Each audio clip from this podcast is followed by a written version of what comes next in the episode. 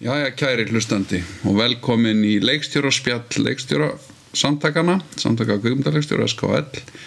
Ég er hérna stattur heima hjá Kristínu Jóhannesdóttur kvikmyndaleikstjóra sem það nú kannski ekki mikillar kynningar við en fyrir þá sem að koma kaldir að þá eru svona hennar helstu verk svo jörðu sem á himni og hjara veraldar og nú síðasta kvikmynd sem kom núna á þessu ári, Alma Bless og sæl Kristín. Sæl og blessaði nágranni Ragnar Bragason. Já, við búum hérna mótu hvort öðru. Ég er að koma hérna inn til þín í fyrsta skipti.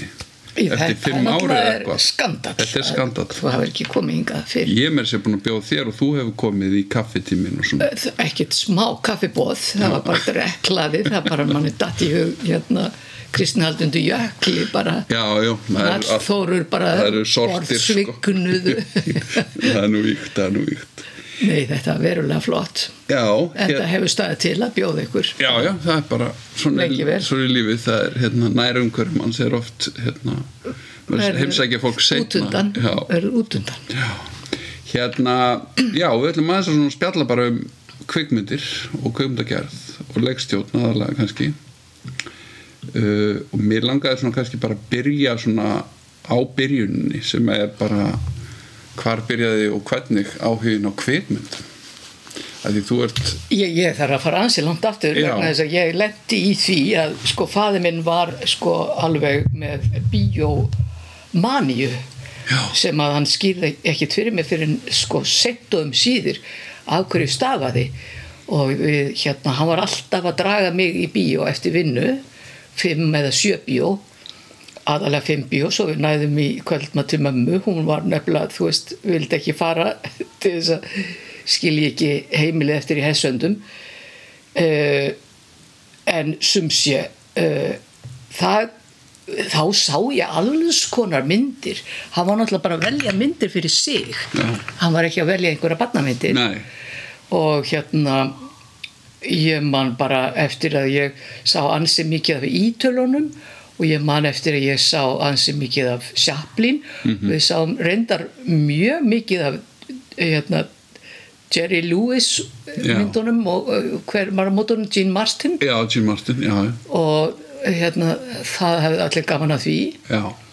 Uh, en svo kom að því að hérna ég held ég hafi nú verið þetta var svona kannski á 13. ári sem að við fórum einhvern tíman í ég held að hafi verið í Hafnarbíói sem er horfið núna uh, að við sáum verið Diana eftir Buñuel. Mm og þá var maður svona komin á þennan aldur, maður var svona að fara að skinja eitthvað svo að þú veist, í sambandi við hérna kynlýstilraunir Mhm. en uh, og mér þótti þetta í rauninni mjög vandræðilegt að sitja við hliðin á pappa undir þessari mynd. Mhm. og þannig að ég spurði hann á leiðinni hann alveg opbóðslega eitthvað fúl bara, hérna, akkur þetta alltaf að draga mig á bíó? Hérna, og hérna, þetta var leiðileg mynd honum fannst aldrei gaman að því. En þá sagt leista frá skjóðunni og saði mig frá því að þegar hann misti móðu sína hún fjall niður örund bara fyrirvaralaust á eldurskólfinu þau voru heima hann og yngri sýstir mm einn og höfðu eitthvað staðar heyrt að það væri voða fínt að, að dreipa vatni á konur sem að liði yfir. Og þær, þau bara voru í því að skvetta og bara vökva mömmu en hún vaknaði ekkit aftur upp.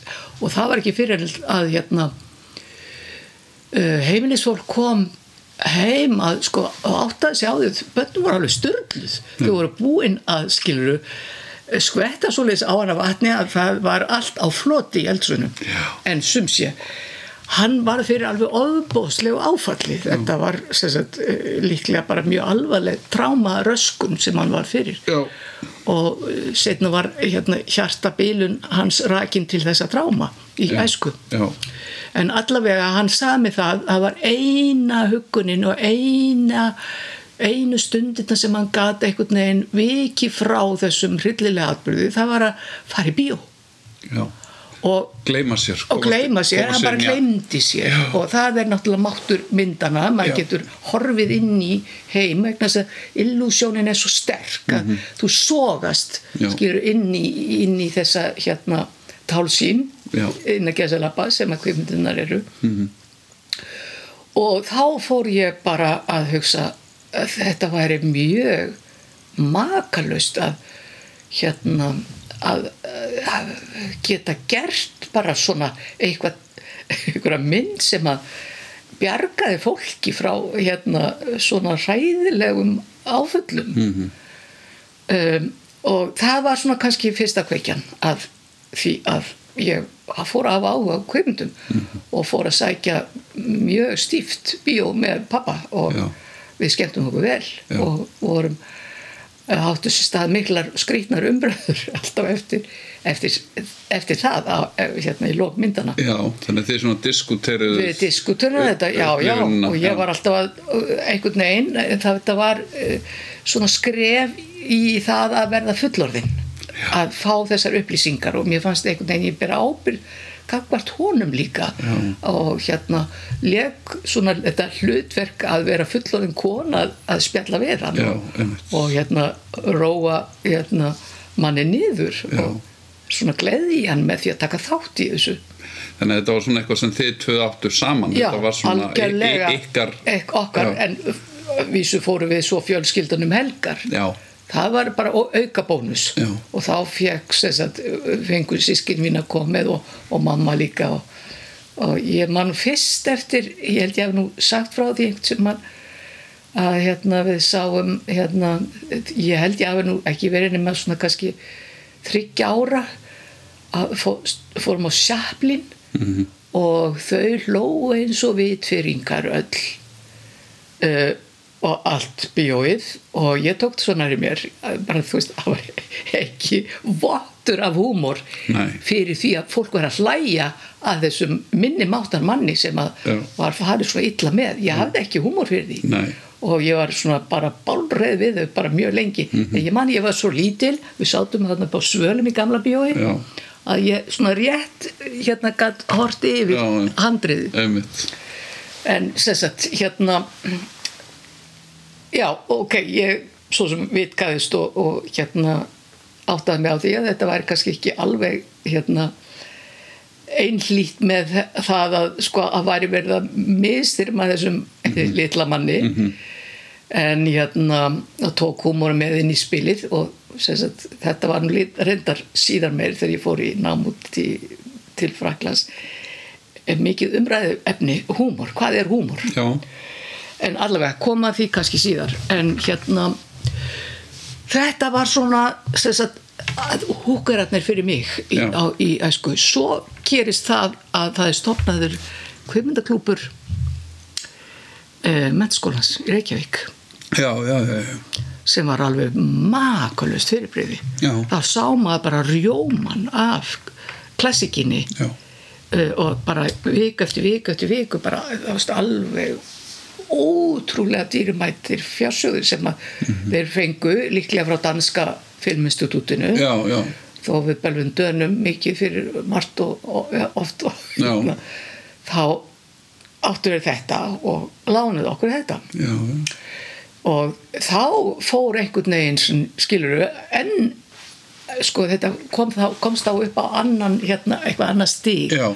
Og ég fór að velta með þessu mikið, mikið meira fyrir mér svona að, að, hvað það væri að gera myndir og hvað þetta væri þetta kveikmynd sem að gæti sagt, bjarga fólki frá í rauninni sko bara alvarlegum sjúkdómum eða þunglindi Já. eða áföllum og, og hérna uh, það voru þarna alveg sko, þú veist, maður sá allan drægir maður sá allan Kurosawa maður sá allan og meiri segja, já, tölvert á Ósu líka Mhm. og hérna uh, ég man sérstaklega líka eftir hérna Austur-Evrópu Mhm. uh, myndunum sem voru margvíslegar og, og mjög furðulegar. Já. og það er náttúrulega vektu sérstaklega furðu mín að því að það voru öðruvís já, ég skil.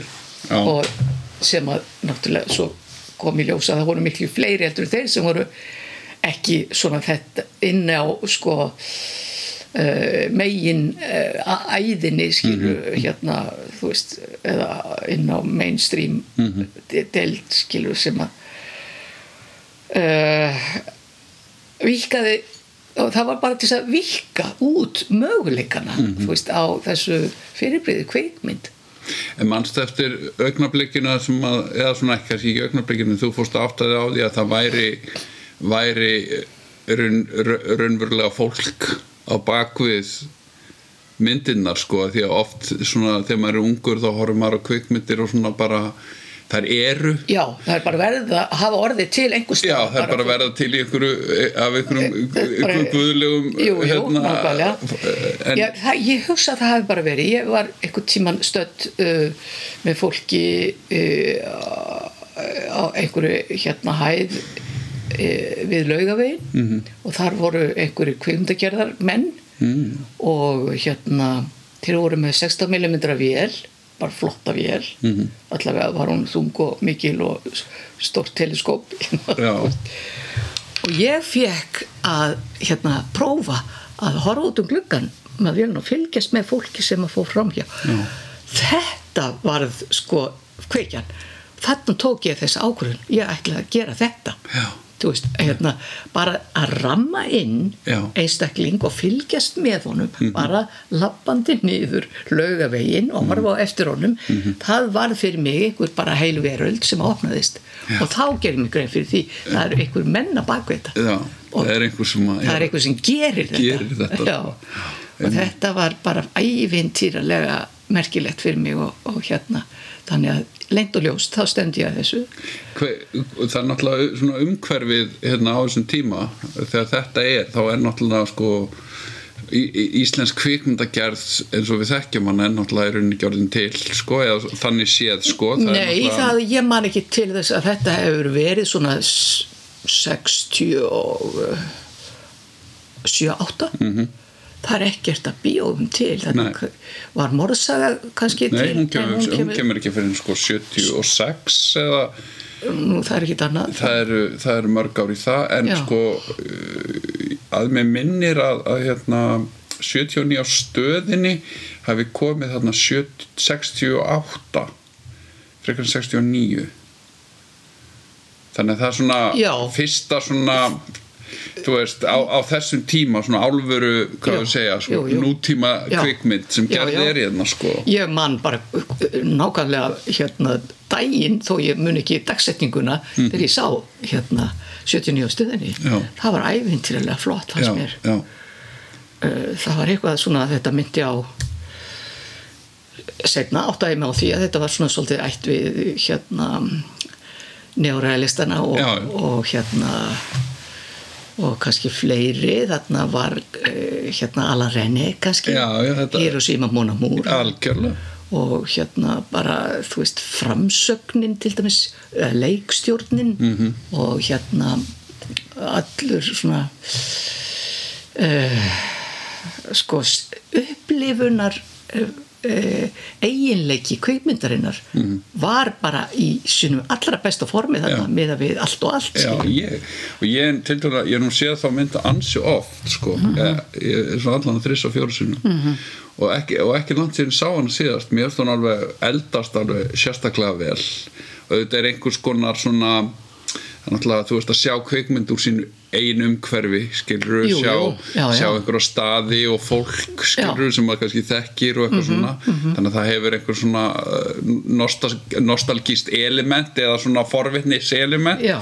en sem kvikmynd finnst hún mér bara ótrúlega uh, standast til tímans tönn Já. bara á við margar aðra kvikmyndir eins og nefnir Jú, jú. eh, á þessum tíma sko sérstaklega sko hans mér reyndar eh, þó að eh, Gunnar Eyjólfsson hafi svo sem verið í, í hérna fórgrunni þarna já, eh, sem var alveg ótrúlega góður leikari Mhm. og hann hefði átt að fá að eiga karriér í kvikmyndum mm Mhm. mikið betri í kvikmyndum heldur nokt tíma á sviði sko. þá fór hann svona að stækka allt og Þenja sig þenja sig og Mhm. taka upp einhverja hérna framsagnar uh, stæla Já. sem að fóru alltaf mikið í töðuna mér -hmm. en uh, Krispjör Kjell var alveg dásamleg. Stórkostlega sko. Þar sá maður bara þetta væri svona alveg stjarn á heimsmynd Já, já, bara svo all næmnin Já. sem að, þú veist, hefur svo all, alla tíð fyllt inni, sko, Jú, jú. þú veist, auðvitað, hún getur þetta allt, sko, hún er Já. náttúrulega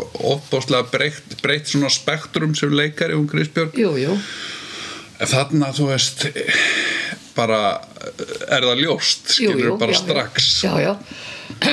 Bara, þú veist kjörnunin Já, hjá henni á hverju einasta augnablíki Já. og hvernig hún fer að því að miðla Já. á svona mjög yfirvegaðan og mínimalískan hátt Já, skilur, já. að, sína mjög stóra tilfinningar mér fannst það Já. alveg dásanlegt Já. og setna sko þá, þegar ég sá La Notte mm Mhm. Það bara einhvern veginn uh, Jean Moreau var bara Já. þú veist, þetta væri alveg jafnungi okkar Jean Moreau, já, já, já, já, en hérna, allavega þetta var þessi ákvörðun sem ég tók þarna að Mhm. fara út. Hérna, uh, sástu fyrir þér á þeim tíma að, að þetta gæti verið starf eða sem sagt þá, þá, þá meina ég sko eins og ég segi, það er engin það er ekki beint að sé einhver, einhver sko, einhverjar fyrirmyndir að- í, í þínu næru umhverfi á þeim tíma. Akkurat, þannig að, að fara út í kvikmyndagerða nám einhvern veginn er er sko, þú veist það er ekki praktist í dag kannski Nei. en það hefur bara ekki verið ekki tengt neittni praktik á þeim tíma. Nei, nei og svo bara, þú veist, hérna þú veist, að verða koma, það er náttúrulega menn búast alltaf við því að maður starfi hér á landi Já. sem er bara sjálfsagt að áætla og, og hérna og það er það sem að maður sjálfsagt vildi líka sjálfur frá upphafi Já. koma heim með eitthvað. En hérna ég man að menn fjölskyldum minn hafði miklar áhyggjur. En hvernig ætlar að fara því að lifa og vinna fyrir þér? Já. og ég var það sko bara til þess að friða liðið að hérna semja við þau. Ég færi í bókmyndafræði og guðmyndafræði mm svo ég gæti orðið kennari í MR Já. ef að illa áraði? Já, B-plan. Það var plan B. Já. og þá bara róðust allir. Og hérna ég fer út og efni þetta lofur ég skráði mig í bókmyndafræði og, Mhm. og kvimyndafræði og ég var svo heppin að eh, lenda í Montpellier. Og þar var fyrsti prófus, að fyrsta prófessorsembætti í kvimyndafræðum Já. í Fraklandi og hérna æfintýrlega flottur professor sem var mjög ástyrjufullur og, og svona eh, stór huga hérna, hann hafði náttúrulega bara alist upp við þetta og kent í öllum helstu mentaskólum Parísar -hmm. og eh, var svona meira minna sko kennari flestra sem komu við sögu þarna á þessum tíma Já. í kveimundum -hmm. en hérna uh, svo þegar ég sagði mitt sko uh, hérna samferðamönnum mínum veist, bæði konum og köllum sérstaklega voru það konur sem að ætlar þú að fara í kveikmyndaleikstjórn hvernig ætlar að fara að því Já. þú veist, þetta bara alveg sko, þetta var svo og skiljanlega alveg út í hött Já. að ákveða þetta -hmm. að því einmitt að það voru enga fyrirmyndir og ekkert sem ég gæti haldið mér í Nei. það var engin kvikmyndasjóður þá nei það var ein skúfa sem var til hérna, ég, um það leiti sem ég kom heim hjá Knúti Halsinni Já. í mentamálaráðanetinu -hmm. hún var lítil þessu skúfa og það var fátt fína dræti þar en eitthvað smávegis svona Já, Eh, þannig að þetta var náttúrulega alveg sko í rauninni vitfyrningslega sko vitfyrningslega vitlus ákvörðun að að fara út í þetta. Og ég oft hugsaði um þetta. Af hverju, þú veist var ég að halda þessu til streitu? Ég hefði gett átt mjög þægilegt líf skilur, Já. vera bara kennar í MR Já. eða HI eða eitthvað. Já, eða einhver staðar. Uh, vegna að ég hafði bæði sem sagt, uh, hérna háskólagráður í, í hérna bókmyndum og, og kvimtafræðum en þetta var eitthvað sem að hjekk í mér og ég held að þetta hafi bara verið svona einhvers konar hérna uh, einhver falin uh, ákvörðun sem að ég myndi reyndar sjálfsagt ekki eftir þegar Nei. ég fer að ég hafði lofað sjálfur með þetta Já. að gera eitthvað fyrir aðra eins og hafi verið gert fyrir Föður. fyrir föðu minn, Já. skilur, mér fannst það einhvern veginn þá alveg augljóst að vilja helst fara í það þetta er svona eins og verða hérna krabbaminslæknir og geta bara lækna Já. alla, Já. ein, tú, tre en hérna uh, ég sem sé uh, veit ekki svo sem að hvernig mm, á hvaða fórsendum maður maður mann er stýrt nei, hvort að þú veist þessi undir meðutund þessu ákvarðana sem að maður tekur og mótar sjálfan sig skilur, Mhm. það er allt sem að maður gerir þó að það sé ekki meðvitað Já. allt stefnir að þessu Já. þannig að á einhverju mómenti er ekki hægt að víkja út af veginu hafður snert á einhverjum öðrum listgreinum í aðdragandanum skilur hafður ég svona, já, ég hérna uh, já, uh, það var líka frá barnesku amma og afi ráku leikús í Ólasveri við vorum þar barnin all, all sömur já, og hún var alveg stöðugt að virkja okkur já, í hérna hlutverkaleik og búið til búninga búið til búningaleika við fengum saumavélar og, og efni og allt mögulegt og ég man sérstaklega eftir ég ætli að hafi verið svona kannski fimm ára þegar ég var að rappa bara prinsessan og hérna þá amma hjálpa okkur að búa til sko fötur rababara já. og bara, þú veist, hún þrætti saman fyrir okkur rababara stilkana þannig ég var komið með alveg ofbóðslega skrautlegan kjól út úr þessu og síðan var ég með sólhlíf sko, rababara mm og ég bara man það enn þann dag í dag af því að ég fann ilmin af alltaf af rababaranum að hérna e, það myndust alltaf munnfass fossar upp í Já, mér já. þannig að hérna endaði með því að við, ég og bróðum minn töluðum alveg sérstætt mál sem að var svona þú veist eitthvað með hl- hljóðeffektum Já, já. bara við vorum slefandi skilur, Já, þetta já. var alveg nöðsinn en þetta var svona rababaramálið svo heldum við því áfram þetta er nú örglega samt lagt einhvers konar svona jú, jú. grunn sko, þú Mér veist bara að vera í nálægð við þetta, þennan heim sem að leikhúsið er sem Jú, er náttúrulega sambarilegur viðkveikmyndana því leiti það er verið að búa til einhvers konar illusion eða, eða hvað það er skilur að, að hérna, stíga út úr raunveruleikanum og inn í eitthvað sem er skapað eða, eða einhver, fa- einhvers konar fantasíu sko. Já, og eh, það er, þetta er kannski það sem hefur líka stýrt mér út frá þessu að ég nefndi nú þennan hérna, rappa bara ilm Mhm. að sko það er þráin það, það er eh, hérna e, þetta sem að kveikmyndin hefur ekki hún hefur ekki snertiskinnið Nei. hún hefur ekki líktaskinnið Nei. og það er varð einhvern veginn mjög snemma uh, ákvörðinu um að eh, reyna að ná því að eh, fólki fyndist að finna líkt fólki fyndist að skilur geta snert eitthvað. Og eh, það- bara sagt, með þeim miðlum sem að kvikmyndin býður upp á. Og ég ákvað það þegar ég hafði lesið mig til uh, mjög víða uh, og var uh, lagði nú stund á japanska filosófi og fagufræði mjög lengi, ég var alveg djúft sokkin þar. Og þegar ég uppgötaði líka japanska kvikmyndagerð að hérna skilingið veitur í sjö. Og í, þá bara ákvæði þetta verði æfistefur mitt í sjö myndir, ég Já. ger ekki meira kröfur en ég ætla að gera þetta. Já. en uh, það eru ekki orðan margar.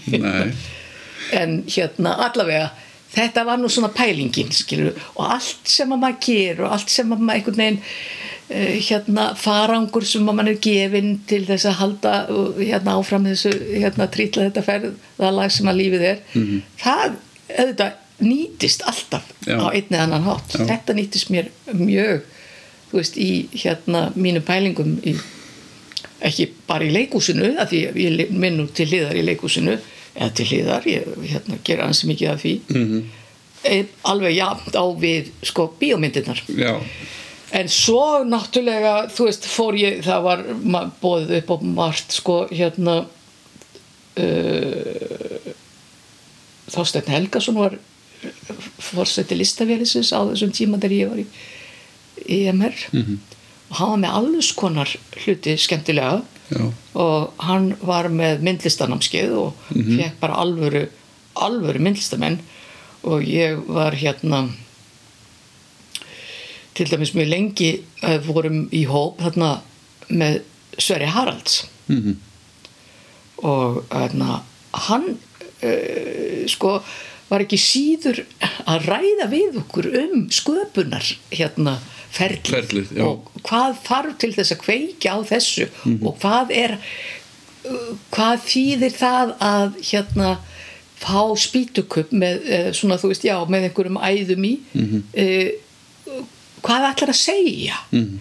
hvert er sjónarhótt þitt á þennan spýtukupp já, og hérna og maður var að fara bara að svona skapa einhverja farvegi til þess að sko láta svo og lofa hérna flæðinu að vara.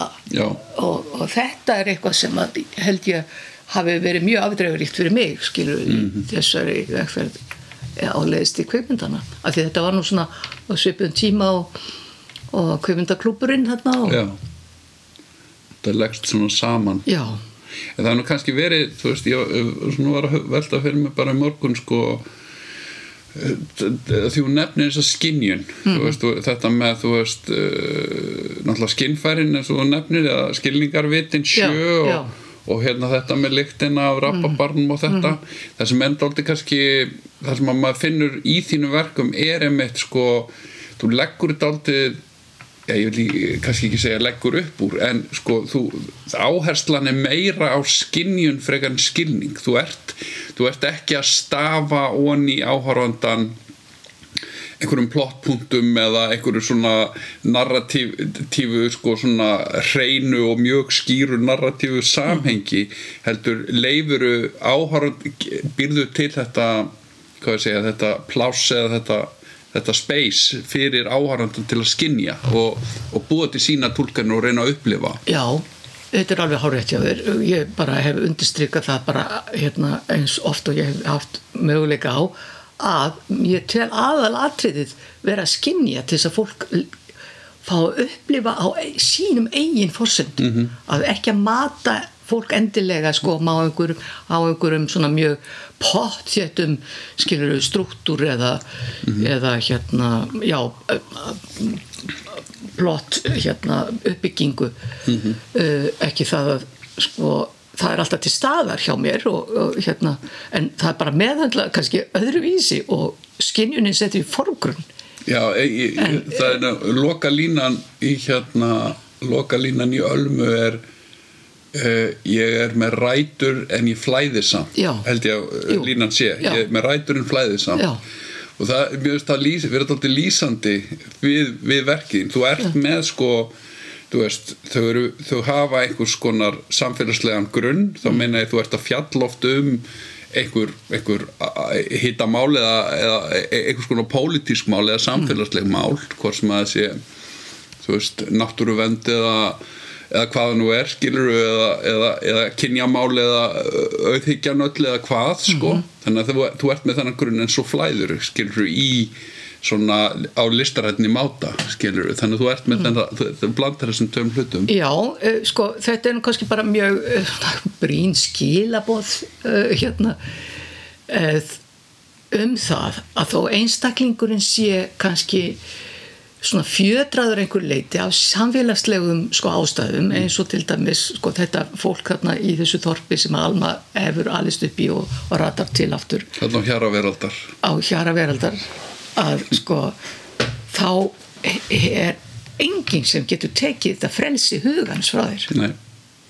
og það er það sem að kannski hún var allt í einu aukveita að hún væri bara þú veist hérna frjálst til þess að taka hvaða ákvarðan sem er eða upplifa Mhm. lífið á sinn máta og allir aðrir hafi hingað til alltaf verið að sko brytja ofan í hana segja henni hvernig hlutinir eru já, sko. já. og segja henni hún sé morðingi til dæmis hvað á það að þýða hérna, Mhm. þú veist, hérna ekki lík þetta er náttúrulega fjärstaða en þetta hefur, þetta hefur gerst. Já, þetta er, þú veist, þess vegna fyrir Alma, þú veist, þótt að þú veist, öll verkðin eru náttúrulega feminíska að einhverju leiti þú ert kona, þú veist, og það er, það er þetta áhugaverða við við höfundin, skilur, og höfundurinn. Hann er náttúrulega alltaf að, að, að hérna, segja okkur einhverja sögur sem að snert eitthvað sem hann hefur áhuga á eða hefur hérna, upplifað eða, eða þú veist, er partur af, af hans heimsmynd skilur eða, eða reynslu heimi eða hvert líkt þannig að þú veist, mér fannst Alma sérstaklega, mér fannst það mér svo, svo skýrt í Ölmu þetta með sko kynhlutverkin. Og hún er einhvern veginn bundin að því að þú veist, það eru karlmenninir sem að í þeirri sögu, þú veist, læknirinn og, og kærastinn líka, þú veist eh, sem einhvern veginn eru búin að njörfa hana niður í það sem hún á að vera þú veist, og sérstaklega læknirinn sem er sem er svona einhvers konar þú veist, að, nú er ég að tala um mína einn tólkun sko sem er einhvers konar táknmynd eða e, fyrir fe feðraveldið skilur eða, eða þennan karlaga heim skilur að, já, já. að stjórna konunni og, og vilja hafa full kontról yfir henni.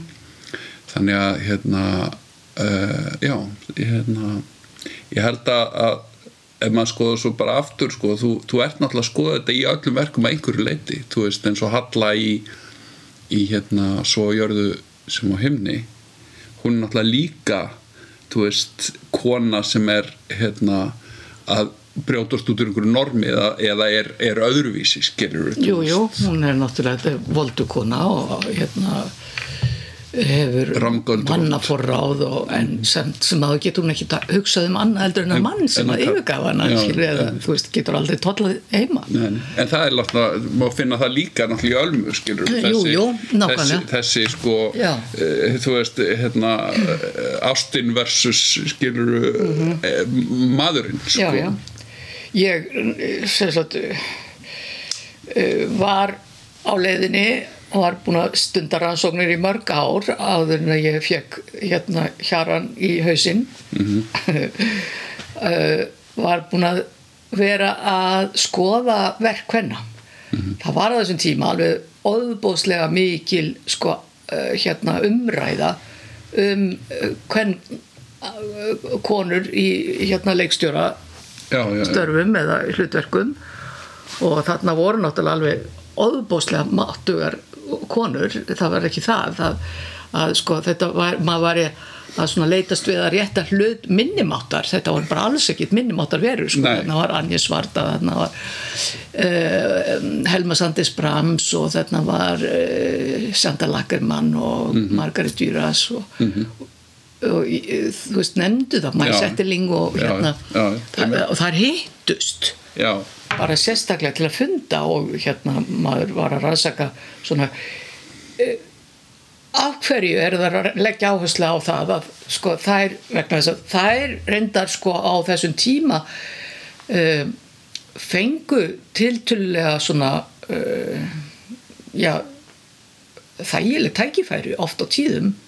Þetta, þetta var nei, uh, það var ekki það. Nei en það var sko að, það var kannski að, að leggja áherslu á það að það þyrfti að vika út einhvern veginn sjónarhóttnið og ég reyndar oft uh, minn- minnst á þetta að sko uh, hérna við höfum kannski vegna þessara mótuna sem við fengið sem að þú nefndir áðan uh, sko fengið annað sjónarhóttn já, uh, sem að ég held að við myndum þú veist og það er heldur því fram líka að við myndum græða á því og ég held að það sé alveg hár rétt já, algjörlega skiluru Já. að sko stækka íbúðarhúsið Já, skiluru bara að hafa fleiri rattir Fleiri fá, raddir fá fleiri og- já. litbrigði í, í frásagninnar og svo já, já, framvegis sko. svo, þó maður megi ekki minnast á má lengur þá hérna, maður hann alveg á því að öll blóm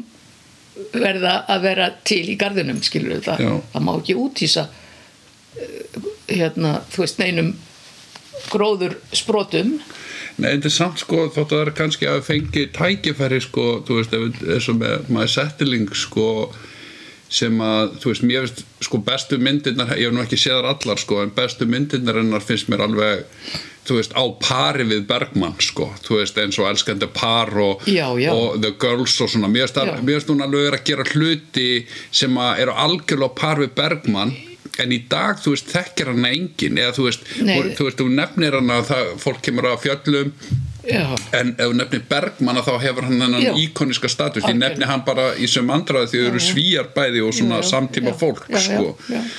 Og það, er- það segir manni líka eitthvað sko, með Sjantil Ackermann sko uh, fólk, ég held að almennt hafi ekki séð myndir eftir hana, þú veist, ég hef ég, eina myndin sem ég sé eftir hana er hérna er hérna Brusselmyndin, hérna já, já, samt Dílmann Sján Dílmann Já. sem er náttúrulega sko bara eitt af meistaraverkum kveikmyndasögunar sko. þú veist, og menn urðu brjálaðir sko þegar hún var frumsynd í kann og ég man að það var sagt bara menn skelltu urðum og, og öllu að brjóta niður hérna í bíóið e, en það var einn gaggrínandi já, sem að byrti og það var náttúrulega bara mjög þungavíktar sko maður þetta New York Times sem að sagði bara þetta er snildaverk Já. og það bara litt ekki látunum að þú veist, allir keftu myndina Já. allir voru að byggja um þessa mynd Já. þetta er náttúrulega sko mjög sérstætt það er svo sem eh, hérna, þú veist, neyslu markaðurinn Já.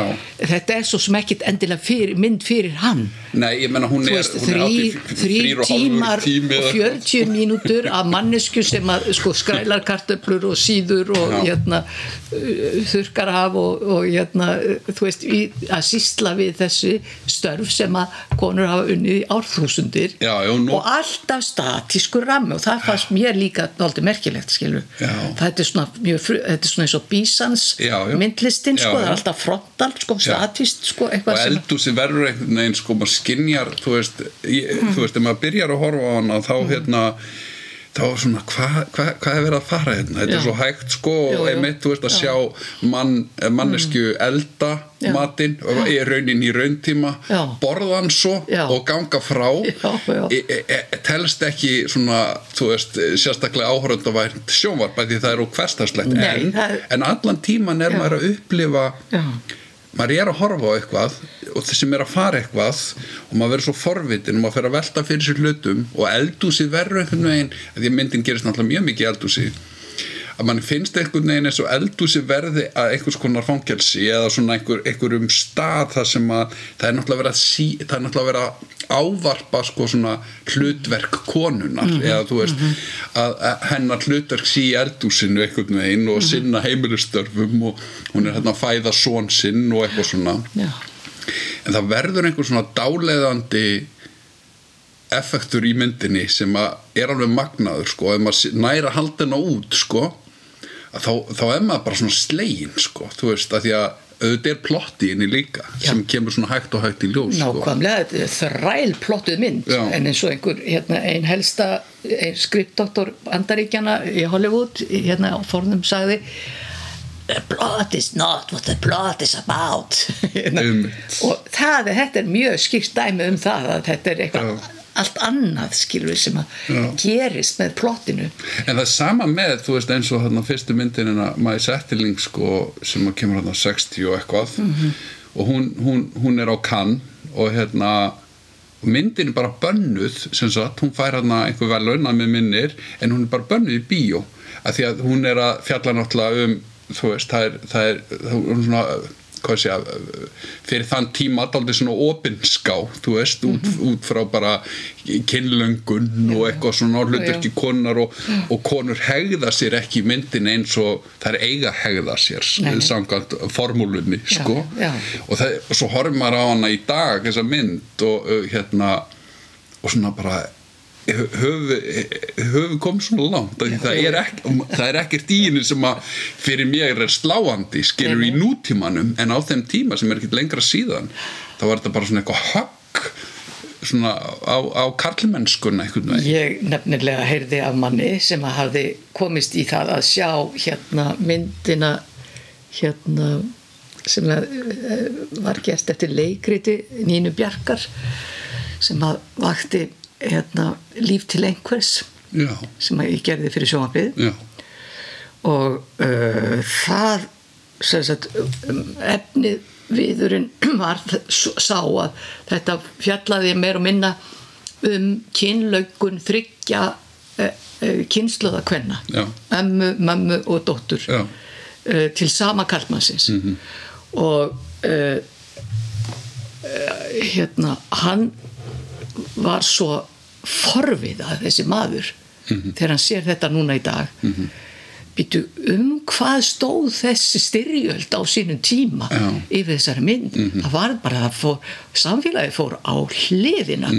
Og meiri segja sko var ég hérna að lappa niður bankastræti og var barinn fyrir þetta sko. Það var maður sem kildi bara mér. já, og hann sagði fyrir hvað var Kristín barinn í bankastræti hérna, því að hann sá ekki neitt og en það er ekki neitt Nei. þetta er bara, þú veist hérna, þetta var allt svona Já. þetta er ekki að hvenna Já. og hérna uh, þannig að uh, þetta er alveg öruglega bara málið með Mæ Setteling sko, hún er hitt sko, hún hefur verið svolítið á undan Já, og þetta undan. kemur á undan Já. er engin Nei. íslensk hérna, mynd verið Nei. Um þetta nákvæmlega skilur þannig að menn styrlast bara Já. og sjá eitthvað annað sjá einhverja aðra mynd. Og það bara kemur upp um viðkomandi skilur að það er eitthvað mjög mikill sóðaskapur Já. innra með sumum sko. En það er náttúrulega ef mynd hefur sko, hérna ma- maður auðvitað þegar ef maður gerir kvikmynd þá vonast maður við viðbröðum einhvers konar viðbröðum það er náttúrulega þú veist maður kannski ekki að kalla eftir þeim maður vonar annarkvort þú veist hitt hún fólk og hafi áhrif á líf þess og vonandi á jákvæðan máta eins og nefnir að, að hérna eða bara þú veist þá viltu líka frekar að, að, að það sé bara að þú fór þessi viðbröð og sett lamin í bankastrændi sko að því að ef maður fær svona lala viðbröð sko svona já, þú veist, öllum er sama Já. þá var maður ekki kannski alveg að, Nei, nei, að standa sig sko, þannig að annarkort vilt, þú vilt Já, já, og ef þú fær blönd á þessu báðu þá ertu ég verða við ekki mér þótti þetta svolítið harkarlega við bröð af hérna, af því að ég var komin sjö mánuð leið Úff. og ég var alveg opbóðslega hrætt en maðurinn var miklu hrættari heldur en ég þegar hann sá að ég var ólétt skilur búin að kýla mig þú veist í Já. en þú veist bara, bara þetta svona bara dæmi um ofsan í fólki skilur en mm. auðvitað er mjög gaman af því Já. þegar eh, hérna, það er afstæðið skilur Já, svona rosaleg viðbröð Akkurat. ég, veitna, svo sem hef ekki það mótið því að Nei, nei. menna æsist yfir myndum mínum. Nei, neðan ofbeldi kannski óþarfi sko. Æ, já, ég svo sagt, er svona að radikali á móti ofbeldi Já, en, akkurat, það er ég nú líka sko. En hérna það er í sambandi við konurnar sko þá uh, ég verða að nefna dæmi sem, sagt, sem að var svona eða grundöllurinn að námu mínu í, í hérna í, í kvikmyndum að það professorinn saði bara mjög snemma við mig að hérna það væri, væri eitt sem ég þyrti að hafa hugfast alltaf á hverju einasta mómenti að ég sett upp vélina að uh, þú hérna berð fagufræðilega móralska, pólitíska félagslega og sagt, hérna uh, alla þá mögulegu ábyrð sem að felur því sér að vera manneskja -hmm. þegar þú setur niður hérna kvimdatökuvélina það er ekki sama Nei, hvar þú setur hana niður Nei. og þetta var einhvern veginn svona fyrir mig opaslega sterk leiðsögn já, bara þessi stöðuga spurning alltaf á hverju augnabliki í tökum Mhm. og reyndar á hérna, tímum handriðskrifa Mhm. líka að það er þetta sjónarhótt Já. Býtu, hvað ætla ég að segja með þessu Já. og, og hérna, þú veist þá getur ekkit verið bara veist, að sína eitthvað það má ekki vera general það verður nei, að vera það verður að vera eitthvað mjög Já. spes og það verður að, að sko vera í samræmi við hérna efnistök eða erindi Já. hvaða erindi Já. finnst þér þú eiga Já. með þessu þú Já. Ert ekki að eigða sko 100, 200, 300 miljónum bara of it nei, skilur nei. Þú, eh, þú verður að hafa eitthvað áriðandi hérna erindi. Já, hef, hafa erindi Já, sko. og- það er nú kannski oft það sem að maður svona uh, veldir fyrir sér þegar maður horfir á kvikmyndir og það- eitthvað sem að þessi íslenskar aðrar, maður veldir maður lappar oft út úr kvikmyndahúsi eða, eða frá skjánum hvað sem að maður upplifir það sko og hugsa bara hvað, til hvers eða þú veist, hvað var viðkomandi að spá, hvað er, hana, hvað er viðkomandi að reyna að segja hérna? af hverju er þessi saga þú veist, lögð á borð og öllum þessum eh, þú veist a- a- a- hérna, árum eitt í að koma þess á koppin Já. skilur þú veist, og það, maður, maður veltir stundu fyrir sér með þessum er erindi, skilur þú veist, hvað ert að segja, Já, skilur ég, ég er alveg samanlega það, það er allt og oft sem að maður segir, heyrðu, þetta var bara eitthvað Já. það, þetta er svona, þú veist ægi mig langar að gera bíómynd gerum bíómynd. Já. Og bara svo er lagt á stað og menn vita í rauninni ekki það akkur þið leggja á stað. Nei, einmitt. Uh, ekki það, það var ágætt smynd um hérna, þegar fólk leggur á stað keira aftur á bak. Já. það er, sko, það er í rauninni daldi gott erindi en- Einmitt, en einmitt. eh, sumir bara hérna, leggja á stað áfram og það er ekkit annað heldur en það einmitt, en hérna Mhm. en sem betur verið eru mjög margir mjög aðtiklisverðir já, já, það er náttúrulega bara að blanda það er náttúrulega Já, bara, já. þú veist uh, En sko það sem að mér finnst nú kannski svolítið uh, hérna uh, aðtiklisvert sko það nú hafa komið fram alveg eðalmyndir og ég eh, bara ætla að telja upp fyrstar hérna börn og foreldra sem að sko mér fannst vera alveg sérstök upplifun já, hvað fyrir það uh, uh, sko þetta var einhvern veginn í þessu, örfáu skipti og maður finnur fyrir því að það er sko tími skinjunar gefin -hmm. ég veit ekki sko hvert að sko þetta helst í hendu við það að þú ert örugur með leikarhópin -hmm. það, vegna þess að þetta veldur alltaf á því að sko koma einhverju miðlun til skila já, og gefa því tíma Mhm. uh, uh, og mm, sko ef að eitthvað er hérna mikilvægt í bíói þá er það tíminn -hmm. og þa það er eitthvað sem fólk gleymir alveg Já. sko uh, gegnum gangandi -hmm. að lofa fólki að upplifa tilfinningar persónuna Já. í gegnum tíman sem Já. líður Já. þetta er ekki, skiluru þetta er tími persónar tími tilfinninga og upplifunar þetta er ekki tími upplýsinga. Nei. núna snýst þetta fóða mikið um að, bara, að þú veist, þú ert að koma frá einhverjum upplýsingum, Já. já, og bara afgreitt mál já. og það er ekkit, það er engin upplifun og engin skinjun, Nei. það er það sem ég er að tala um skilur, Já. en mér finnst sko benn og full, full ekki fullorðnir heldur fóreldrar Já. vera mjög gott dæmi um þetta ég var alveg sko bara uppljómuð og sagði bara, snillingur er fældur á meðalvar Það, ég held að það sem að, þú veist, hafi taland um erindi, það var náttúrulega, þú veist, hvað, hvað mann segja, því að, þú veist, eh, það eru unnar óhefmyndun máta þær myndir, það er náttúrulega ekki lagt að stað með eitthvað plott, heldur það er lagt að stað með, með einhvers konar, eh, einhvers konar erindi, sem sagt, það sem ég býð upp á þar er sko að kasta í rauninni af mér og það var mín hindrun eða sem sagt m- mitt ferli sem ég set mér alltaf á flestum öllum verkunum sem ég geri. -hmm. það er að hugsa ok, hvað þarf ég að læra? Skilur, hvað þarf ég að læra? Og, og hérna, þú veist hvað, hvar get ég bætt mig, skilur sem manneskja og kvöfnda gerða maður eða höfundur. Og þarna var ég henda handritinu já, sem sagt, henda handriti á upphafstigum að vera, leggja ekki af stað með plott heldur leggja í rauninni a- á stað með auða blaðsíðu og bjóða sem sagt þessu fólki sem mér langaði að vinna með -hmm. að fjallum eitthvað þá, þá var svona uppleggið að fjallum eitthvað sem að brinna á þeim og skiptu þau einhverju máli. Og það var svona, ég byrjaði þetta var diskussjónin sem ég átti við hvern og einn leikara. Þú veist, hvað hva langaði að fjallum? Þú veist, e ekki, ekki þú veist endilega hvað langaði að leika heldur bara veist, hvað, hvað kveikir á þér? Skilur bara, þú veist, hvað gerir þið reyðan eða sorgmætana, hvað er það í okkar samfélagi eða í okkar umhverfi sem að, sem að svona hérna svona, kveiki með þér einhvers svona tilfinningar eða hugleiðingar eða hvað sem er? og það er svona upplegið og, og hérna, myndirnar er náttúrulega gerðar í bullandi góðari hérna 2005-2007 og, og hérna og voru náttúrulega búin að vera undirbúið þarna í tvö ára undan, það var langt svona uh, hvað ég segja, svona meðgöngutíminn var langur áður en að tökur hófust og búið að þróa mikið og var náttúrulega til handrit á undanum.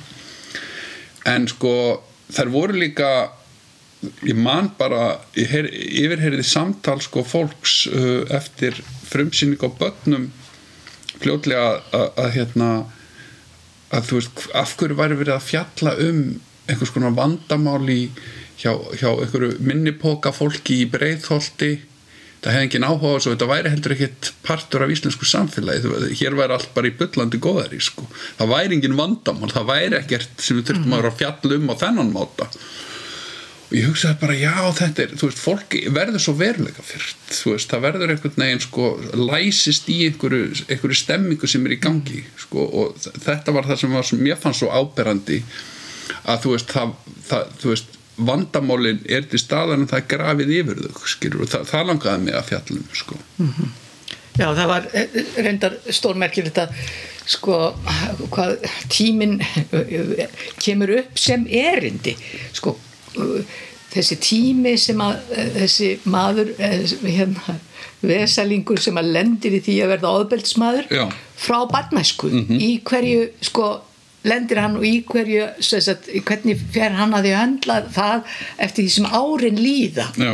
og einhvern veginn sko bara þessi upplifunum þessi moment sem er bara þögur og stór og mikil og menn eru bara í vandastattir mm -hmm. og það er bara um tvent að velja flýja eða berjast Já. skilur Já.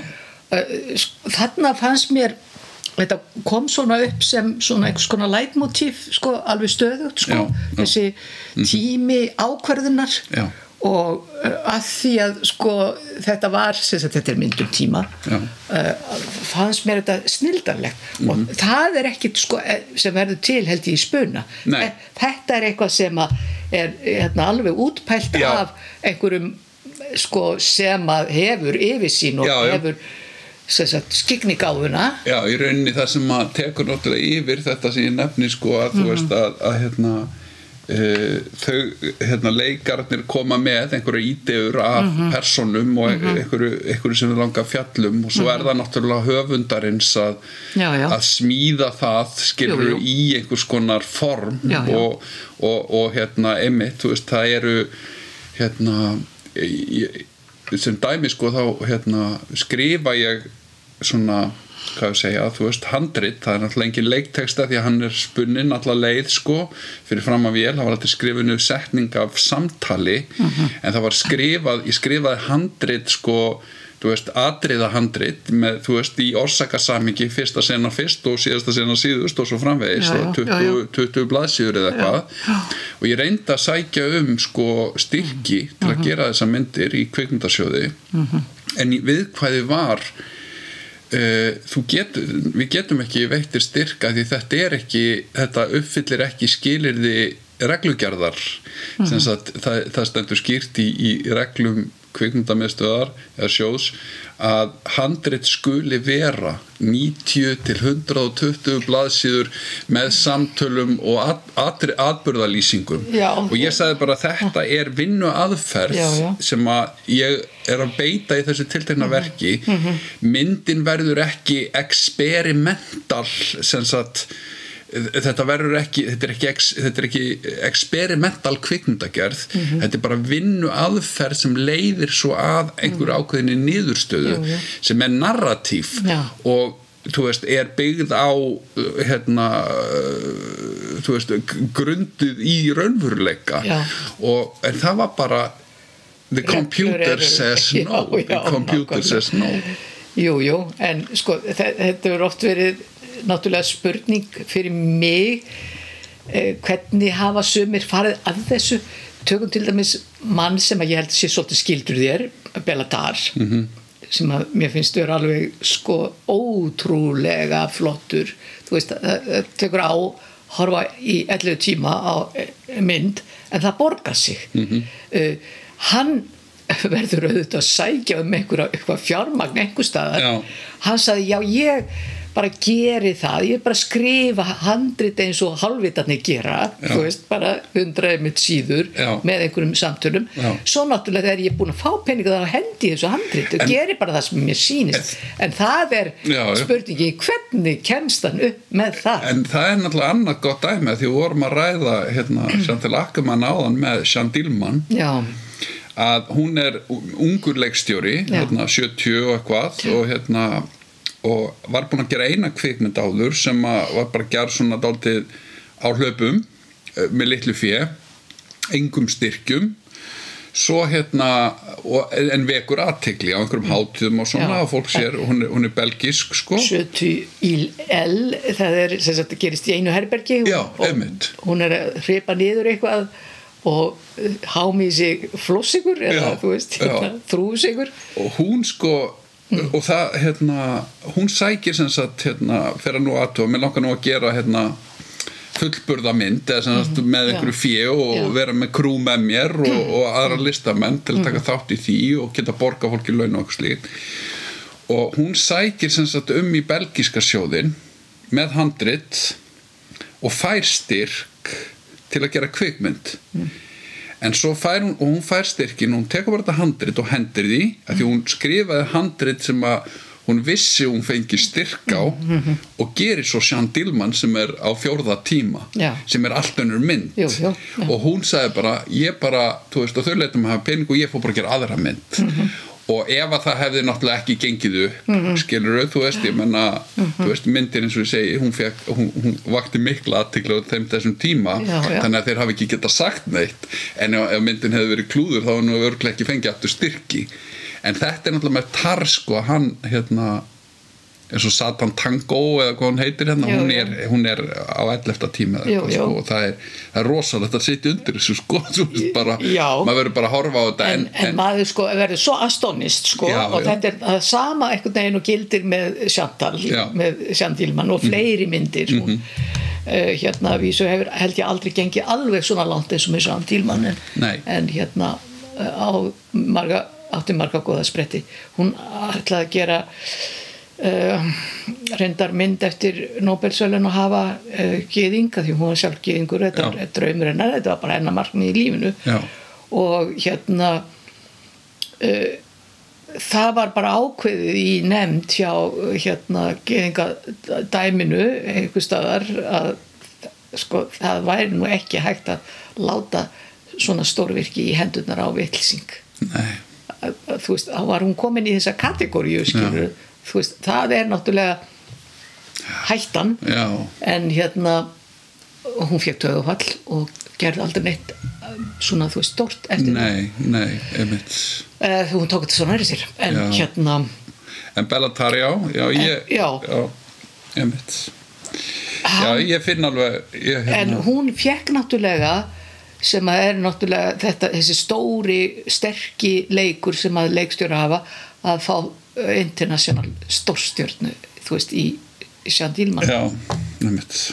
Uh, þ- menn hefðu aldrei þor, þorað að stoppa það af Nei, þegar hún var komin um borð sko. akkurat, akkurat. En hvaða völd hafði Bellatar þarna austur frá? Það er í, mér hins vegar að því að hann var ekki með hennar svona uh, hérna stórar kanonur neitt meðferðis nei, nei. ég hérna ég hitti var fenginn til að hérna svona moderata svona masterclass uh, með Bellatar þegar hann kemur hérna á, á Riff uh, fyrir nokkrum árum. Ég mann ekki hversu mörgum.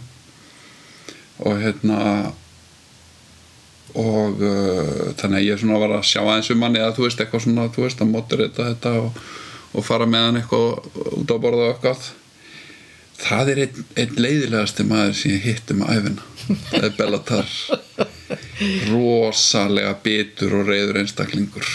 Já og þá var hann hættur sko. Sagt þá var hann búin að lýsa því yfir hann var hættur að gera kveikmyndir og var náttúrulega mjög reyður út í stjórnvöld í Ungarlandi en ég ég skynja nú samt að reyðin var var uh, djúbstæður en það sko. Þú veist, það var einhver það var einhver svona já sót svort, betur í þeim manni sko. Já, hann var náttúrulega alveg óhólegur drikkjumæður Já, mikill og bara svartur og Það við endar þurftum oft að- þannig með sko drikkjumenn að uh, hérna alvarlega sjúka drikkjumenn að þeir verða svo óbúslega reyðir og neikvæðir og já ég menna það endaði eitt kvöldi endaði að þú, veist við var í hóp með ónefndu fólki sko sem Já. að íslenskum listamönnum sem að hafði mikinn áhuga að hitta hann. Já, svona mjög stórir íslenski listamenn sem höfðu smekk fyrir hans verkum já, og ég fer með hann til að hitta þau og, og hérna, það endar með því að við þurfum að, að bera niður bankastrætið sko, kall greið.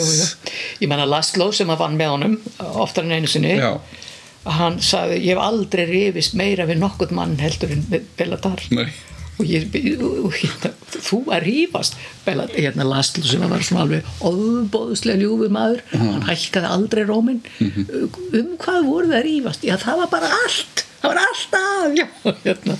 þá hefur hann náttúrulega verið að gera Bellatar, nei hérna Laszlo alveg brjála en ég meina myndirnar hans eru magnaðar og, og, hérna, og hann er mikill listamæður sko.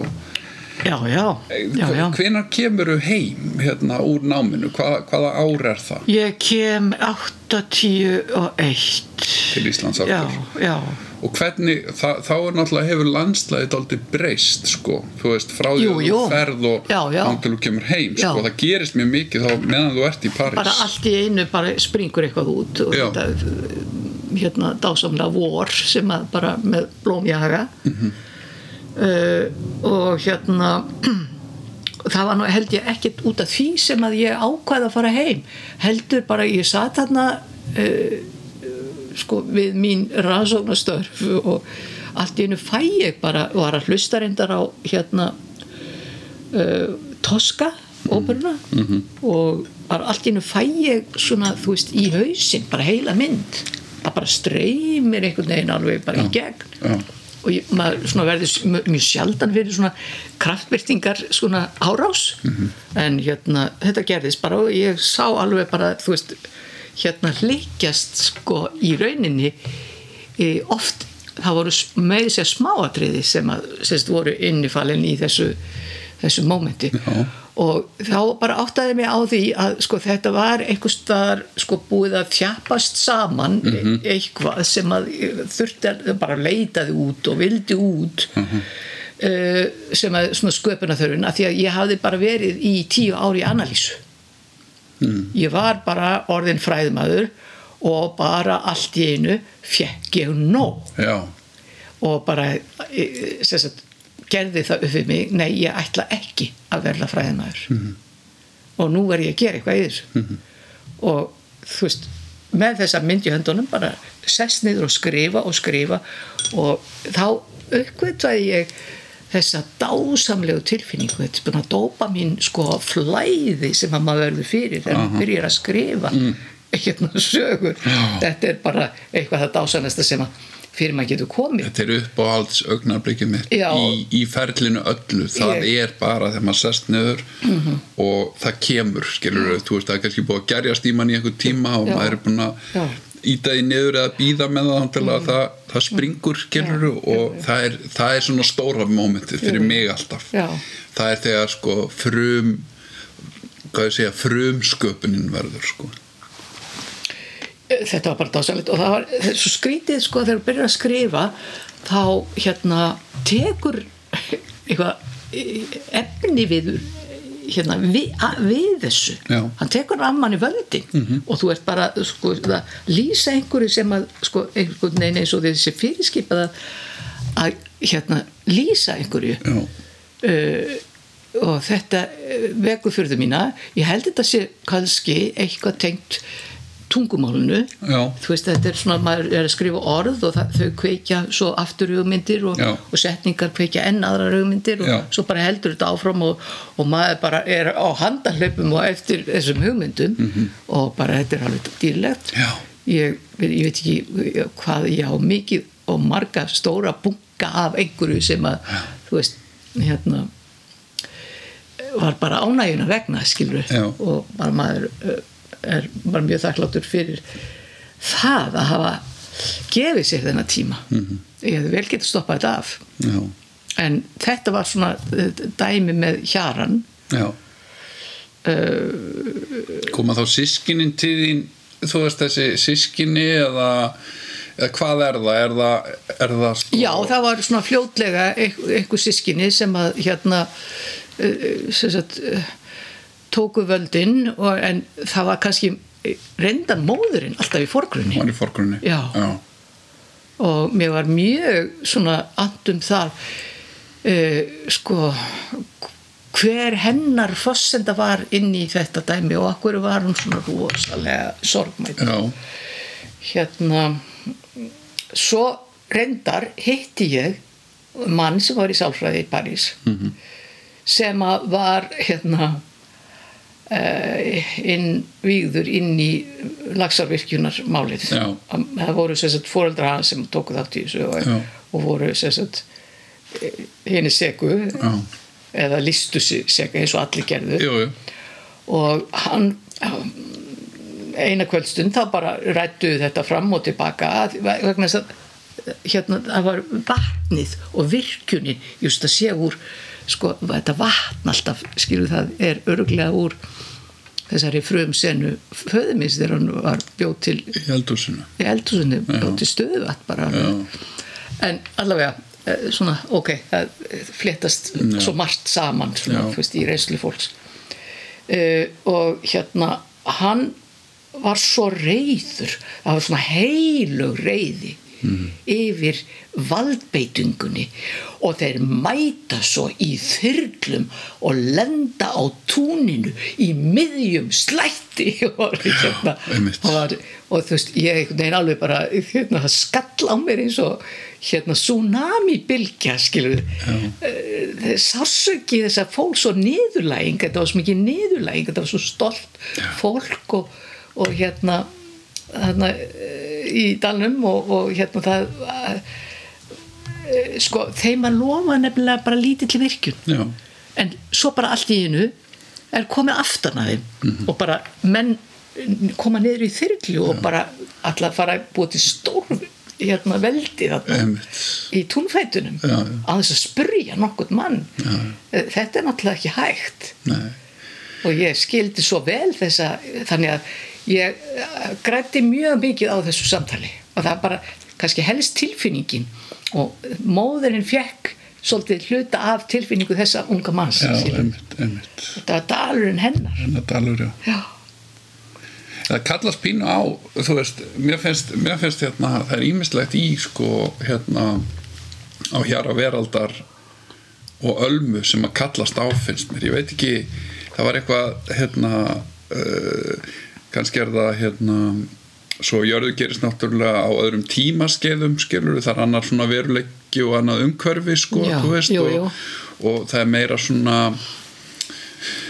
já, hún, hún, hún, hún, hún er að fjalla kannski um aðra hlutir mér finnst- svona ímislegt í sko, þú veist uh, Ölmu og Hjaranum sem að svona er að tala saman eins og til dæmis þetta með þú veist, þú ert með í Djúpuvík sko, útgerða fyrirtæki þarna eða hvað það er þú veist, hérna sjá, sjáar út við þar koma þarna fólk sem vil kaupa upp og, og þú veist, allt þetta Mhm, Já. þannig að er, þú ert með það element þar sko, Já, þú veist, já. versus náttúruvendin eða það sko virki, virkjanir í, í, í hjaranum en svo ertu líka með náttúrulega það er, það er, þú veist, sjór og það eru fuglar og það eru svona og, já og, það er svona, er svona á, grendin við náttúrun Já, reyndar já. í báða myndunum svolítið já, og þeim öllum já, náttúrulega þremur, reyndar, sko. já, ekki síður náttúrulega svo gjörðu en hérna já, þetta er nú ágætt að þú minnist á þetta en uh, þarna er náttúrulega í fyrirrúmi uh, þetta fyrirbreyði vald já, uh, hérna hann byrja nú á, í elmu hérna geðlæknirinn að, að hérna tíunda hvernig á að hérna, koma sér va- valda kerfi -hmm. og bara það er það að vita allt um alla. Já, og þú veist ef að þú ert með kæft þá hérna skilur við -hmm. þetta reyndar hugmynd sem ég fekk hérna há há há há há. Ef, ef þú hefur lesið þá bók þá er náttúrulega bara þú veist, wow hérna hvað hægt er að gera við fólk. Mhm. ha sem sagt, til þess að eh, ná yfirhöndinu hann náttúrulega varð í rauninni valda meiri eldur en nokk tíma Hitler. Mhm. eh, hérna vegna þess að hann vissi allt um alla. Upplýsingar eru allt. Já, og þetta hefur alltaf sko uh, hérna vakið áhuga minn. Já. mér finnst bara mjög aðtiklisvert hvernig menn koma sér upp valdastöðu -hmm. og hvernig menn geta allt í einu verið komnir í þyrlu nýra á tún hjá fólki einmitt. og tekið að þeim öll völd og, og sjálfsverðingu og þú veist ég uh, mér finnst þetta eiginlega ja, háskalegt í öllu tilvill, tilfellum í samfélaginu og einhvern veginn sem að uh, mér finnst að verða að vekja aðtíli fólks á það er svo mi mikið af psíkopötum já, og manipulatörum Mhm. og í, sem að óperera í í stjórnkerfi og í pólitík og pólitík og allt saman. Atvinnulífinu, Já. sérstaklega kannski. Og núna já, bara, um þú veist, sjáum við bara samkaup hérna, nei, hérna, hvað heitir þetta? Ekki samkaup, heldur. Hérna- Eh, hérna Dalvíkingarnir já, samherji. Samherji. Eh, mjög eh, lýsandi dæmi Mhm. þeir bara, þú veist, rella fólk og uh, senda njósnara og, og þú Já. veist eh, afla sér upplýsinga um Já, viðkomandi og bara alla knesetja fólk Þetta, er, þetta, þetta kallast á við eða svona, mað, það er hugrenningatengsl við ímislegt neikvægt í mannkinn sögunni þegar Já. maður les þessa sögu því maður Já. getur eins og tengt hana við, við, við nazistana við getum tengt hana við, við, við mafíuna við getum tengt þessa, þessa aðferðafræði við það sem við tengjum í rauninni við það sem er neikvægt. Já, sko, já. sem er skipulega glæpastarsemi og, og, og pólitísk valdbeiting skilur já. þú veist í stærri samfélögum sko ég held að sko vald einmitt, mér, finnst það að vera mjög áhugavert sko, því að vald spill er svo spillandi það, það, það er í rauninni sko mannkynsaðan er uppfull af mönnum sem að fá vald og, og fæstir þeirra hafa þú veist, burði í að höndla það. Af því að, að vald bara spillir. Það verður bara til einhvers konar einhver delusion of grandeur eða Já. Mm. hvaða nú er skilur og gerir fólk bara daldið bilað sko. Já, og það er eitthvað með síkir alveg út frá sér. Já. allt þjóðfélagið verður síkt já, uh, og svo talar fólk aðra bara alveg til helvítis sko, hérna.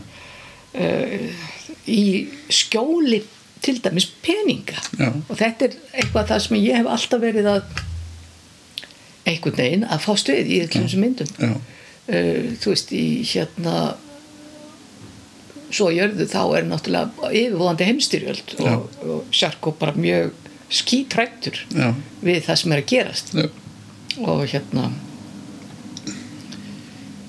og ég hef sko læta því liggja og mér finnst það svona mjög trúverðut, hann talar alveg ofbúslega mikið í dagbókunum sínum um það bara fá að farast, fá að farast og ég held að þetta hafi einhver, einhver stað verið dulbúið suicide Já. ómeðvita, Já, einmitt. ég er ekki að saka um að hafa farið Nei, er með alla nei. en þú veist, hann þráði það vegna þess að hans, hann var alveg samfarið um það að sko einhvern veginn væri bara heimir hann líðundur lok sem hann gerði já, á hérna þessum tíma sem að styrjandi stóði sko. heimsendir sko. Já, það breytist allt en hérna og hann svona já hefur uppi orðum það svona, þú veist, ber saman valda, valdbeitingu uh, þessara pólitísku afla og svo náttúrunar já, og hvaða sko fávitar er þetta sem að hundsa þú veist uh, náttúreflin sem geta feiktir bara þú veist eins og hérna löflaði til hérna út í það sýnist sko, einmitt, einmitt. Sem að náttúrulega er að gerast núna í dag. Akkurat En þegar sko, þú segir þú byrjar að skrifa 81 uh, hérna hjaran, þú gerir myndina bara hvað það árið setna eða hvað gerist það frekar rætt eða hvernig er svona ég bara, þú ferlis? veist, við bara skelltum okkur út í Já, þetta bara held, heldur heldum okkur, þú veist bara í það að sko tala við Knút og, Já, og hann einhvern veginn bara eh, setti annað augað í pung og hérna mm, hugsaði sig um og hummaði mikið og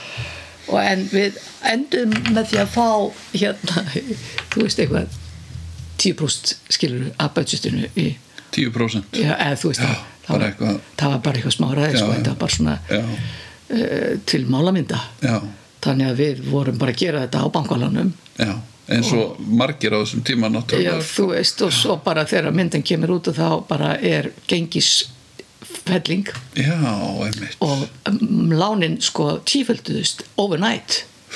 Það var náttúrulega, þetta var svakalegt sko áfall alveg óbáslegt Eh, þú maður bara eftir siktunshópnum skilur Mm. þetta voru menn sem voru bara búin að tapa öllu og húsegnum sínum og öllu. Já.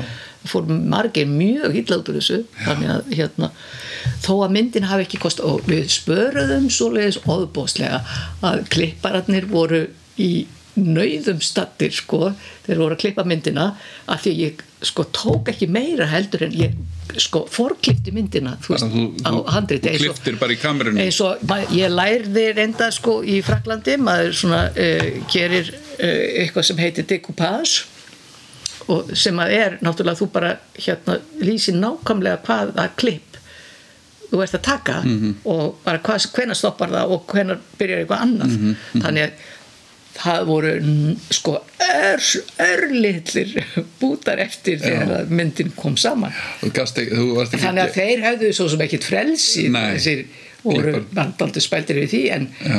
en hérna mm, þetta all, alveg saman Já, einmitt en sko nógu dýr varð hún með þessa gengisfellingu En hvernig gekk hún í kvikmyndahúsum, mástu það?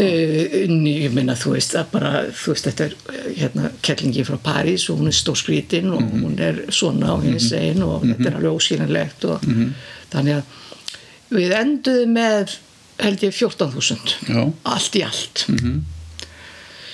Sem að og, Í- Sem í dag telst nú bara nokkuð gott. Ég menn er bara mjög hreiknir af því. En á þeim tíma svo, kannski verið já, nei, ég menna Já, Stella í Orlofi og hérna, þú veist, stuðmannamyndirna Já, sko, það já. er það er voru að mala hundruði Já. þúsunda. já, bara upp aftur, upp aftur, upp aftur. Singalong og Já, þú veist það hérna, já. Bara singalong sýningu á hjara veraldar En og hvernig, og ég menna þetta lítur að hafa verið letjandi sem sagt fyrir kvikmyndahöfund og framlegandur og að þú veist að fá Já, þetta veginn ég- sitja uppi með þetta? við, hérna ég, dróðu þetta ekki úr þér allar tennur bara? ég hérna ætla ekkert að leina því. Nei. að við vorum hart kerð Já, og það fóru, þú veist, alveg tíu ár í já, að hérna höndla þetta. Já. og vorum alveg stöðugt í, sko, með snöruna fyrir framann okkur að, veist, að mausa og möndla með eh, með lán og hérna, þú veist, að endur nýja lán og bara fá frest og da da da da da da. En þú veist, neituðu með- láta gera okkur gjaldrátt þú veist, það var bara, það var bara ætluðu ekki að gera. Mæ, ekki að hlaupast undan ábyrð já, frekar að vinna markvalda vinnu til þess að höstla hér og þar -hmm. til þess að geta þú veist, haldið afborgunum gangandi sko, til þess að geta samið sko. Já, og hérna, en þetta var náttúrulega alveg maður var ekki sko svipið hjá sjón lengi Nei. mörg ár. Mæ en svo hérna ég veit ekki, það var nú kannski leið ekki nema ár. Þá fekk ég þessa rosalega flög í hausin sem var fugl. Já, ha, já, sem var svo jörðu svo á endan Já. Dís. Fugl verður að kvikmynd. Fugl verður að kvikmynd. Og ég veist ekkert hvað þessi fugl var að þvælast bara sá þessa senu og í sko minningunni frá því ég var barn og pappi var að segja mér þessa sögu þá uh, bjó Jósef til svona drónaskot þú veist ég fylgdi sko fugglinum upp og sáum alveg hérna, ég sá alveg skipið fara niður með, Já. með sjark og einan Já. veist, í brúnni já, en ég vissi ekkert hvaðan það kom Nei. ég myndi ekkert eftir þessu nei, var alveg búin að gleyma þessu svo bara fyrir einhverja tilvílin er ég að fletta öldin okkar -hmm. og þá er einhver svona sm- smá klausa um þetta slís sko. og þá er minnst á þetta að hann hafi gert það eða látið það verða sitt síðasta verka að hérna sleppa fuglinu rítu. Já, og þá bara fór allt stað. Og hún er ger, hvernig gerir hana? 90, 91 hún kemur út 90 og hún kemur út 92 já, held ég alveg öruglega Já. Sjarinn er 83 Já. kemur út í april 83 já. Einmitt. Og ég menn þetta er náttúrulega dálti, þetta er stór, stór mynd skilur svo jörðu. Ég menna þá meina ég sko uh, veist, þetta er, þetta er perióda skilur þú ert með skipskaða þú ert með, þú veist periódubúning á tveimur tímaskeiðum alls konar, veist byggja, byggja húsnæði, veist, þetta er, þetta er, þetta er bara, þetta er aldrei risastort verkefni þetta var náttúrulega bilun, algjör. Algjör bilun En það gekk öðruvísi að fjármagna það var ekki. það var náttúrulega bara að- tíu ár sótt ég um Já. og fekk alltaf neytun Já. og skiljanlega þú veist, hvernig ætla manneskinn að fara að því að þú vilt að kljúfa þetta Já. og hérna mjög skiljanlega hafði menn ágjur af því hvaða, akkur er þetta hérna hanga á þessu Mm. uh, svo bara kemur þessi staða upp allt í einu ég var búin að fara til Fraklands og tala við einhverja framleiðendur þar og bara fá einhver vilirði uh, sem að þýða ekki neitt endilega skilur og menn vita það alveg sko. Ekki frekar heldur með elmu sko, þetta var náttúrulega bara blöff allt saman hérna.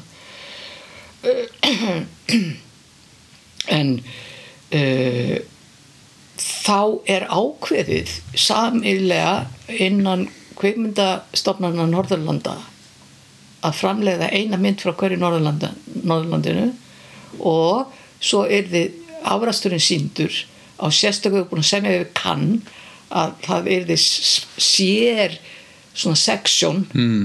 í ofnberu keppninni mm. eða sérst ekki keppninni heldur í hátíðinni Já, já. hátíðinni Já. og þetta var náttúrulega bara svo gulltækifæri það voru hérna allir til í þetta og hér var búin til nefnd, sérstök nefnd og hérna sem að uh, uh, var þryggjamanna nefnd og, og það var mik mikla, mikil átök inn þessar, þessar nefndar já, að velja. að velja en, en það var það á endanum völdu þeir svo jörðu Mhm. Sem að gerði sem alveg brjála það bara hringt í mig sko þú veist bara þú veist þetta, handrið þetta er bara alveg sko fyrir neðan allar hellur bara þetta er bara einhverja náttúrfast lýsingar bara ekkert að hérna, marka það þú veist. Já, ok, ég meina eðlilega þá er þetta náttúru lýsingar miklar en hérna, það er bara að krafa kringumstæðina já, það er bara sagan. Þú ert að fjalla um... já, já. En hérna En var, ég meina þegar þú kemur heim, þú veist, nú hefur maður sko heyrt, ég er nú annari kynslu sko, þegar ég, því ég byrja að gera kvikmyndir eða svona spáði því, þá náttúrulega sko á, á tíunda áratuginum sko, þá fer maður að heyra sögur af uh, svona stemmingunni, þú veist, í bransanum og, og sögur úr bransanum og eitthvað svona. Og, og hérna sem að maður tengdi lítið við skilur að því að maður bara var annari kynsluð og, og með, með sko kannski aðrar hugssjónir og í öðru umhverfi. Er náttúrulega kannski bara reyði einhverja braut og svona. En maður heyrði náttúrulega svona hryllingssugur af uh, svona mótstöðu og, og mótvindi og öðru sem fólk varð fyrir sem kom heim skilur. Það var náttúrulega litli peningar úr að móða og, og, og kannski, kannski ekki margir um hittuna en ofmargir samt fyrir, með að hvað fjöð var lítið og, og hérna, þú veist, hvernig, hvernig er þér tekið þegar þú kemur heim 81 jú, og ætlar jú, að fara að það gera var náttúrulega bara þetta franska liði, náttúrulega óalandi ófyrjandi, óskil, óskilinlegt og Já. bara hvað vilja þau upp á dekk hér, við eigum þetta og, og ég meina þetta er bara eðlileg svona sjálfsvendar sko og sjálfs hérna egnar félagið hérna HF sem að grípur þarna inn í. Mhm. uh, ég sko hérna eh, sko, eh, skil það alveg. Þarna er opbúslega lítið olbúrými þetta er minnsti markaður í heimi. Uh, eh, sko, þessi peningar er ekki neitt neitt sem voru til útlutuna þá. Þannig að auðvitað var sko að hérna hörku barátta um þetta. -hmm. Og svo bara fær einhver hérna uh, kettling sem kom, koma frá Fraklandi hérna þessa rosalegu uppæðir en það endaði náttúrulega bara með því að þetta var sko, budgeti var sko 20 miljónum umfram á þeirra tíma mælikvæða, þannig að við urðum að sagt, fjármagna meira heldur nokkur önnur stofnun á Norðurlöndunum Já. skilur Já. þannig að uh, þó við reyndum að skera niður og skera niður þá, þá bara er þetta eins og þú nefndir áðan þetta er svo flókið og þetta er svo margþætt og marglaga að þú kemst og sleppur ekkert með hérna að strika út eitthvað sko, sem að verulega kostar eitthvað. Nei, þú sleppur ekkert með að redda skipi seglskútu, þryggja mastara seglskútu. Nei. við fórum, ég og Snorri til hérna Berðlands að leia skútuna og fórum að sigla þarna og, og þetta er nú meira æfintýrið sko. Þetta, veist að og svo átt að sökka þessu skipi og menn voru nú ekki voru list nú ekkert á þetta. En hérna e, menn voru með ráðundur yfir hverju sko, bara þú veist sko, að þetta skipið var við höfn hérna inn í hérna hérna það sem að Balti er núna, hvað heitir þetta aftur þessi, Vík. Nei, hérna eh, með sína Já, hérna upp í, upp í, upp í hérna Gufunis Gufunes Já. hérna Hafnagarð og við dældum bara upp úr sjónum Já. í síló og styrtuðum yfir liðið. Já. og hérna það var svo sem ekki ekki mjög tryggt skilur Nei, en menn bara urðu að láta sig hafa þetta. Já, uh, síðan sko Sigurður kvartaði mikið svona sem framlegandi djöfusis helvítis vesen. Hann bara sóttaðist svoleiðis yfir þessum skipa fargani. Já. það er bara eins og ég sé farin að reka hér útgerð. Já. Og hérna það, við fórum svo það brennandi bátur sem að þeir sigla fram á þarna og, og hérna ringsóla þarna. Um, þetta var bátur nummer 2 eða 3 sem að sko hérna að því að hinn er sukku -hmm. ég held að fyrsti báturinn hafi reyndar sko það var held að eitthvað kvalur að lóna í kringum okkur. Já. ég held að hann hafi bara hérna glefsað í þann fyrsta -hmm. svona var þetta alveg stöðut sko, alveg stórslis eftir stórslis sko. uh, og ég hérna og svo fór hestar alveg endalust þú átt náttúrulega ekki að vera með hesta eða skip eh, sem er ekki á föstu landi í neittni kvikmynd Nei, bara, nei bara vitleysa Já. en ég læri ansi mikið á hvað á ekki að gera kvikmynd um Já, í einmitt. þessu tilfelli Akkurat. Ég held að fólk átti sig ekki á því einmitt, sko, hérna, ég er oft spurður að því að ég var mikið á sjó sem ungur maður til að lifa, lifa, lifa af skilur með að maður hérna, var með einhverja kvikmyndadrauma og, og þú veist, allir náttúrulega upp í sjáarplássi og, og allir mín fjölskeita sjómenn og eitthvað og af hverju ég ger ekki mynd um sjómenn? Já, ég bara, þú veist ég veit bara hversu flóki þetta er sko, alltaf fara að gera eitthvað út á sjó eða með skip og þetta er ekki hlaupið að þessu sko, þetta er, seglskút. Já, guðminn álmátur já, já, nei, þetta var sko ekki auðvelt hérna verkefni. En mér fannst þetta svona, þú veist, þegar maður horfði á þetta ég gæti nú ekki sko horta á þessa myndi í mörg ár bara gæti ekki horta á hana. Nei. þú veist, það bara hrönnuðust upp fyrir framann sko, á milli mín og myndarinnar sko, allar veit það. En hérna uh, svo var einhver uh, First 80 frá London sem að þó var svo opbóðslega merkilega með þessi og þú veist, held að málið væri að öskra á fólk skilur og eitthvað er, það er eitthvað sem ég þól ekki þar, þar erum við sammála sko. Eh, þú veist, til hvers?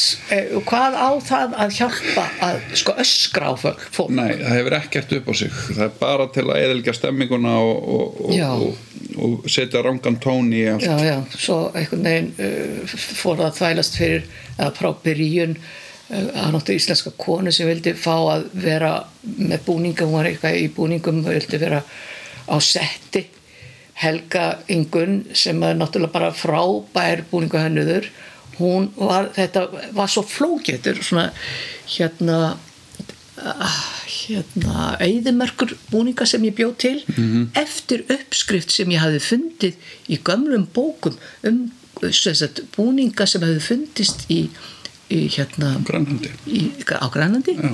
bara í, í ís og ég fór nú reyndar upp á þjóðmennasafn og reynda að harka þetta út og fá að, betri myndir af þessu.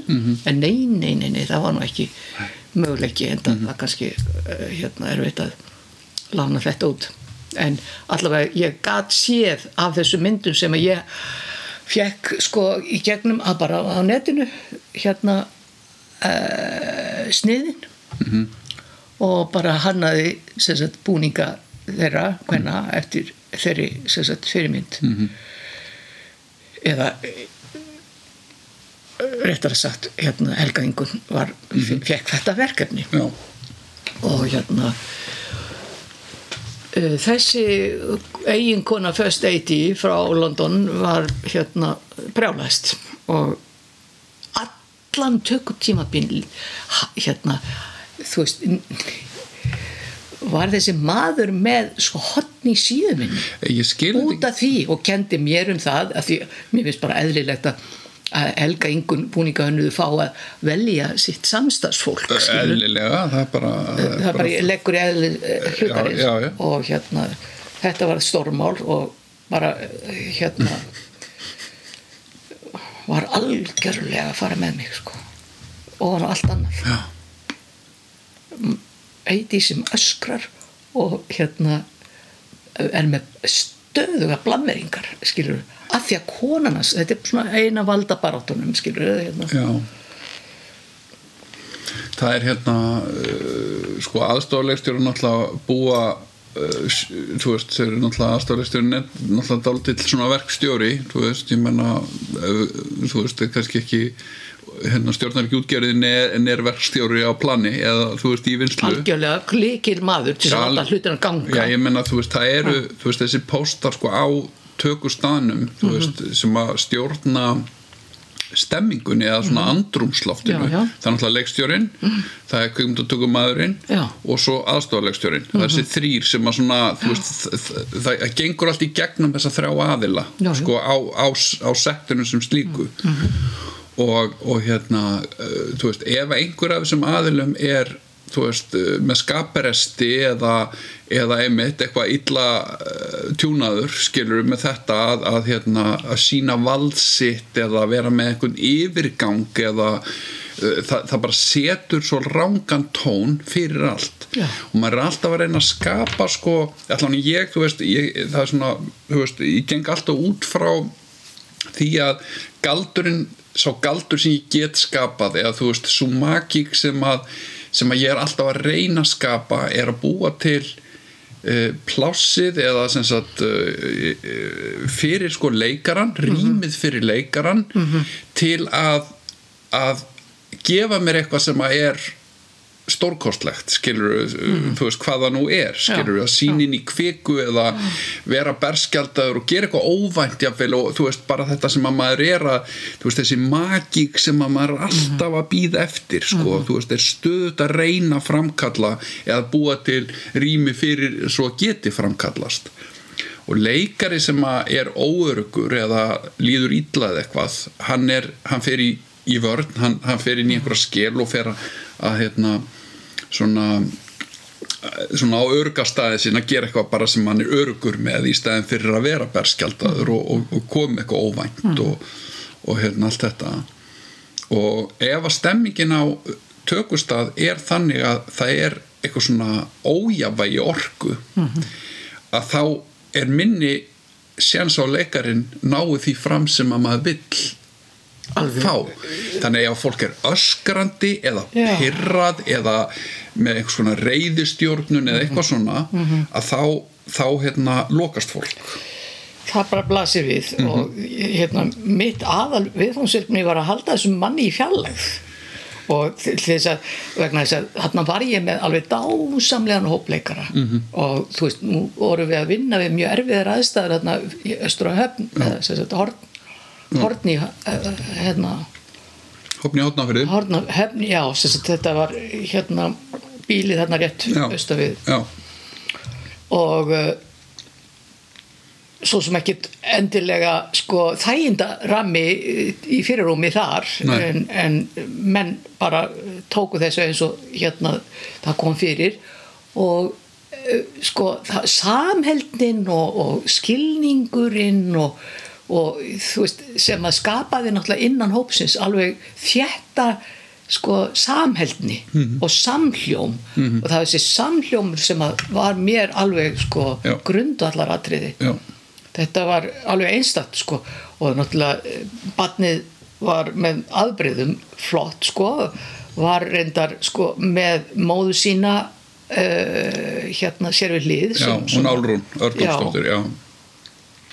Var með Helgu Jóns Já. svona hún var auka já, í auka hlutverki þarna bara helt utan um hann og svona en hérna það var líka bara mjög fínt að finna fyrir tröstinu sem er báruð til manns og það er bara grundallar allir til dæmis eins og sko það, hún þurfti að setja linsur upp úr sig vegna svo var með sko mínus eitthvað eða pluss nýju mm. -hmm. glerugun hérna barnið -hmm.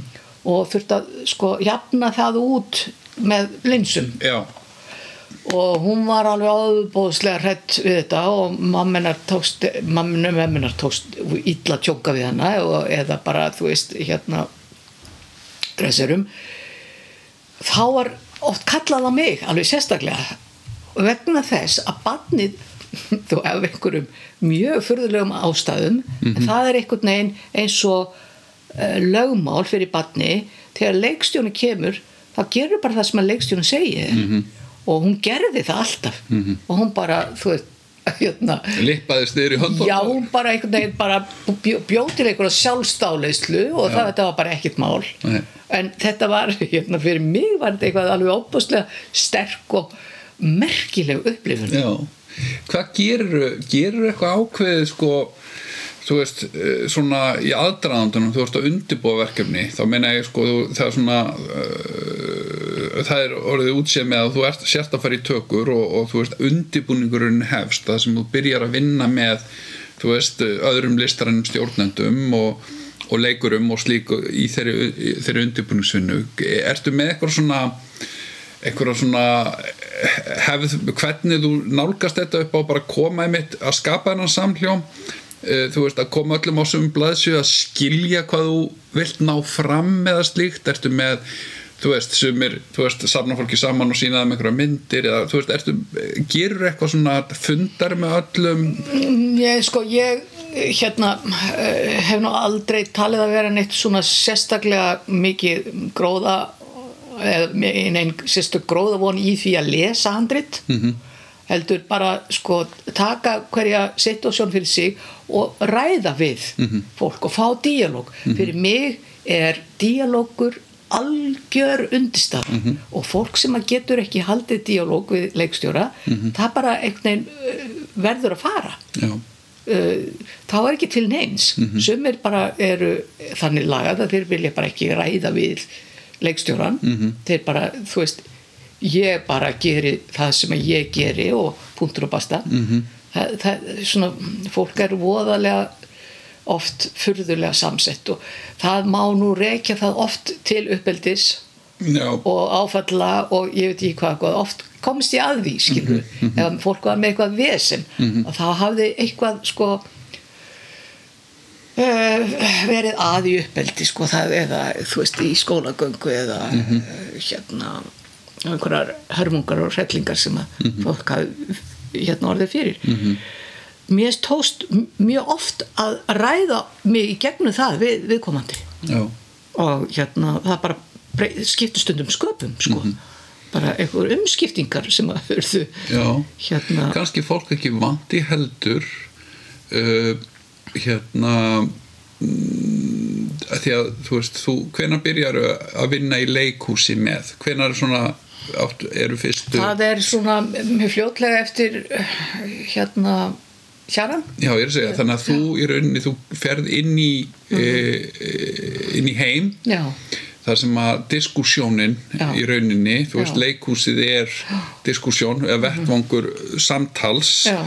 sem að sko ég, ég ræst svo sterklega á það sko uh, þegar ég var að byrja þarna 90 og eitthvað, að, þú veist, það var að, þegar maður var að uh, hitta leikara því ég vissi ekki betur og ég, þú veist, hafði verið í áhuga leikfélögum og eitthvað svona sem úrling, eða svona ungur maður og eitthvað, en ég vissi þú veist, ég hafði það, ég fór ekki mm. for, formlega kvikmyndanám þannig ég var ekkit margeraður af uh, nema bara minn ein reynslu og horfa kvikmyndir og lesa mig til og eitthvað.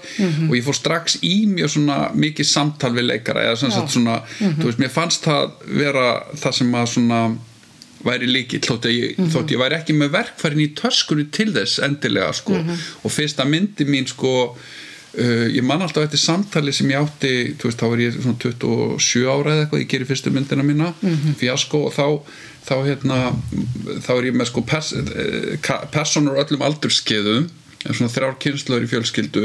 Þannig að sko elstu leikararnir voru sko Robert Artfinsson og Krispur Kell og ég man, ég var svona mjög stressaður sko, þú veist, ungur maður þú veist, ekki með mjög mikla eh, lífsreynslu kannski, þú veist, eða svona reynslu, þú veist, jú, ímsa lífsreynslu kannski, en að þú veist einhvern veginn að setjast niður með þessum kanonum og ætla að fara að diskutera karakterin og handritið og eitthvað svona, þú veist, í fyrsta skipti. Og hérna, og ég fann líka á þeim að það kom þeim pínu óvart að það að, að ég vildi ræða þessa hluti mm. voru, þau voru ekkert sérstaklega vöndi úr öðrum kvikmyndaverkefnum. Nei, og þá fyrir ég að heyra það sem sagt að margir íslenski kvikmyndalegstjórar forðast þetta samtal Já. einfallega af, af þekkingarleysi og ótta að fara bara í, á, á, kafa á djúpsæfi þegar kemur á persónusköpun og öðru slíku. Og ég man þau voru svona eh, hérna, hérna pínu hissa á þessum unga manni og líka það að ég sagði við þau sko hérna, þú veist, við lásum senurnar sem við áttu saman -hmm. og hérna og ég sagði bara strax við þau hérna, þú veist þessi texti, þessi leikteksti er alls ekkit heilagur sko, þú veist hérna, þið breytið hann bara eins og þið viljið skilur, gerið hann, þú veist, hann falli betur þú veist, í, munn og, og bara, þú veist, þið með stróka og breyta og endilega bara pr- prófið ykkur áfram með það.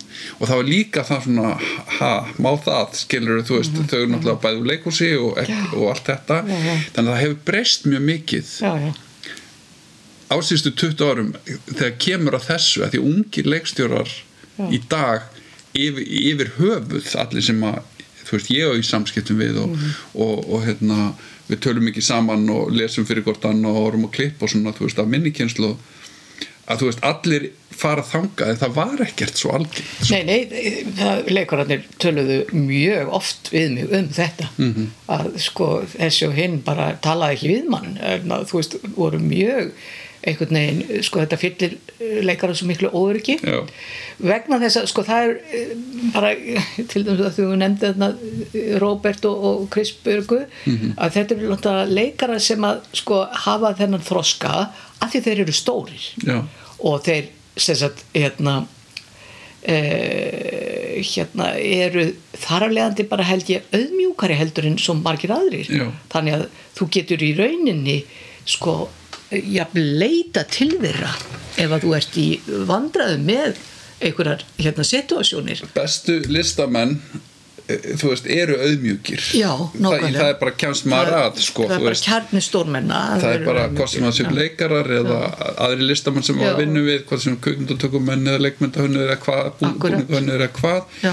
að, að það er auðm, auðmjúkasta fólkið er já. eða þú veist það er fólk sem hefur mest af talentin og hefur mest að gefa sko. Eða hefur ég ekki stáð að minnsta já, sko. já, já, en sko það voru þannig í byrjun og ég held eins og þú segir að þetta hafi skapast af einhverjum rosalegum óta vegna þess að menn bara voru ekki með eh, tól og tæki til þess að ráða við Nei. þetta fyrirbriði að sko að tala sér í gegnum hérna einhver atriði með leikurum. Þeir Mhm. bara þorðu ekki í þá. Af því að þeir fundu það þeir voru vannmögnuðir og það er bara, maður sér það Mhm. á gamlum myndum á, eftir þess að Já. sumir leikarar get alltaf bjarga sér. Já. Það, það er og þannig sko. leikstýrt sjálfum sér Já, en ef- það get ekki allir. Það geta ekki allir Nei. sko. Maður sér alveg, þú veist, þegar þegar hérna, þú veist, ef að leikarinn er uppfullur af Mhm. ég er bara ná sjálfsörugur með að afgreða hlutina sjálfur, þá getur hann gert það og Mhm. maður sér alveg hefur alveg séð dæmi um það sem að menn fá ekki leikstjórnin eru, eru svo góðir sko Mhm. og treysta þá bara efninu ef það er dramatúrgíst búið að vinna Mhm. handritið almennilega skilur og, og hérna og, og hérna það er sé einhver svona grunnur til að byggja á sko Mhm.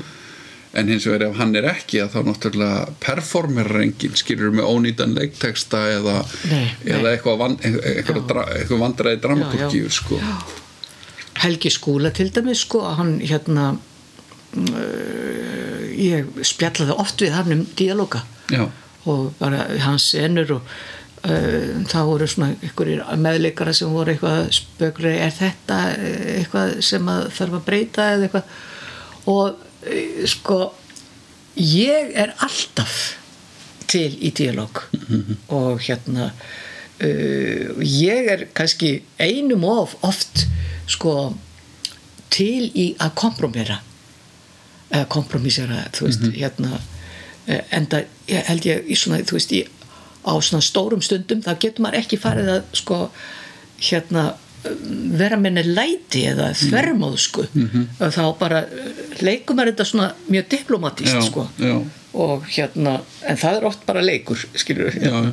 svo hefur maður einhvern veginn sitt í gegna á endanum. Já, og hérna það var mjög, mér þótti alveg ofbóðslega væntum það hvað hann stutti mig ofbóðslega vel.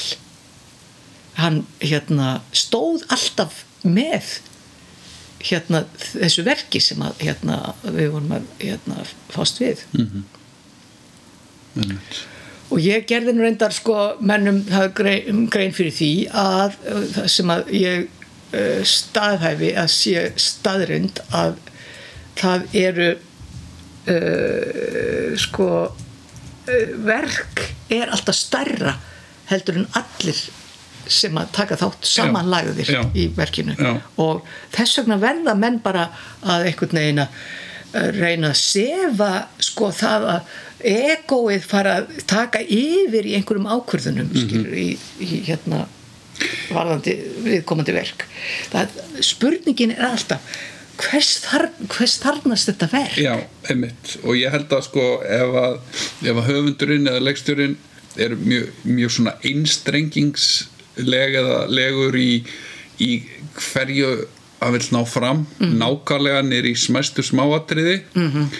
að það er bara það er bara hamland, hamlandi fyrir verkið af því að það sem að þetta snýst náttúrulega um er sko leikstjón stærsti svona st- stóra sem þú gerir er í rauninni að velja með þér fólk þú velur með þér rétt fólk í verkið Já. fólk sem þú treysti til að eftir því sem að þú færð skilur, Já, bara- Stund, stundum bara er þið skengt Já, einhvers tíman er þið skengt en ég, ég er orðin rosalega harður á því sko, og hef svo sem alltaf verið það kannski þú veist, eins langt og það nær að, að, að hafa fullt hérna, creative vald yfir öllu leikaravali og öllu öllum mannaráðningum þegar kemur að í líkilstöður og þá segir sko, þú veist, maður velur með sér hérna listaranarstjórnendur þú veist, yfir leikmynd og búningum og tónskáld og klippar og kvikmyndatökumann og hvað það nú er uh, og það fólk sem að maður telur best til þess fallið að, að koma manns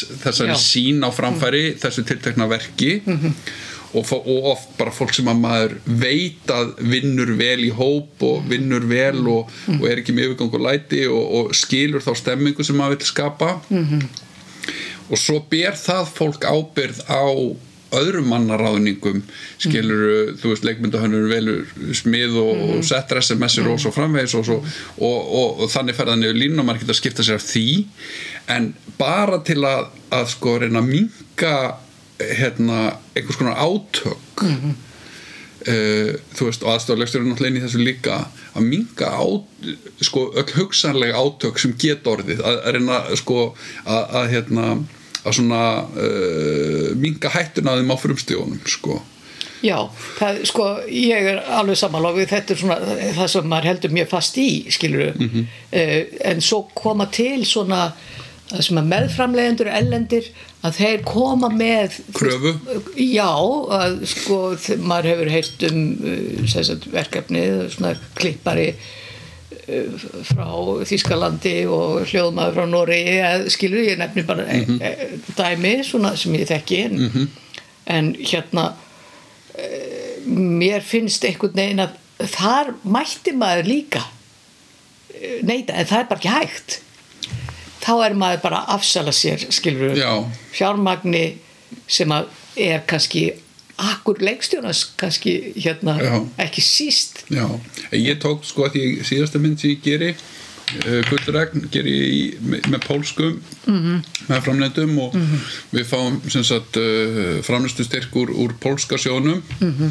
og hérna og því fylgdu hvaðir sem sagt að það urða ég var að taka inn einn eða tvo listrannar stjórnendur. Ég var náttúrulega komið leikara, bólska leikonu en ég var að, það var einhvers svona krítirið sem við veist að uppfylla. Og en ég sko þú veist, framlegandin ég átti að vísa í mjög góðu sambandi við þessa framlegandur og þær sko bara buðu mér upp á fólk skiluru, sem að þau þú veist, þær tristu mm -hmm. þannig ég fyrir bara að lista yfir klippara mm -hmm. og hljóðhannuði mm -hmm.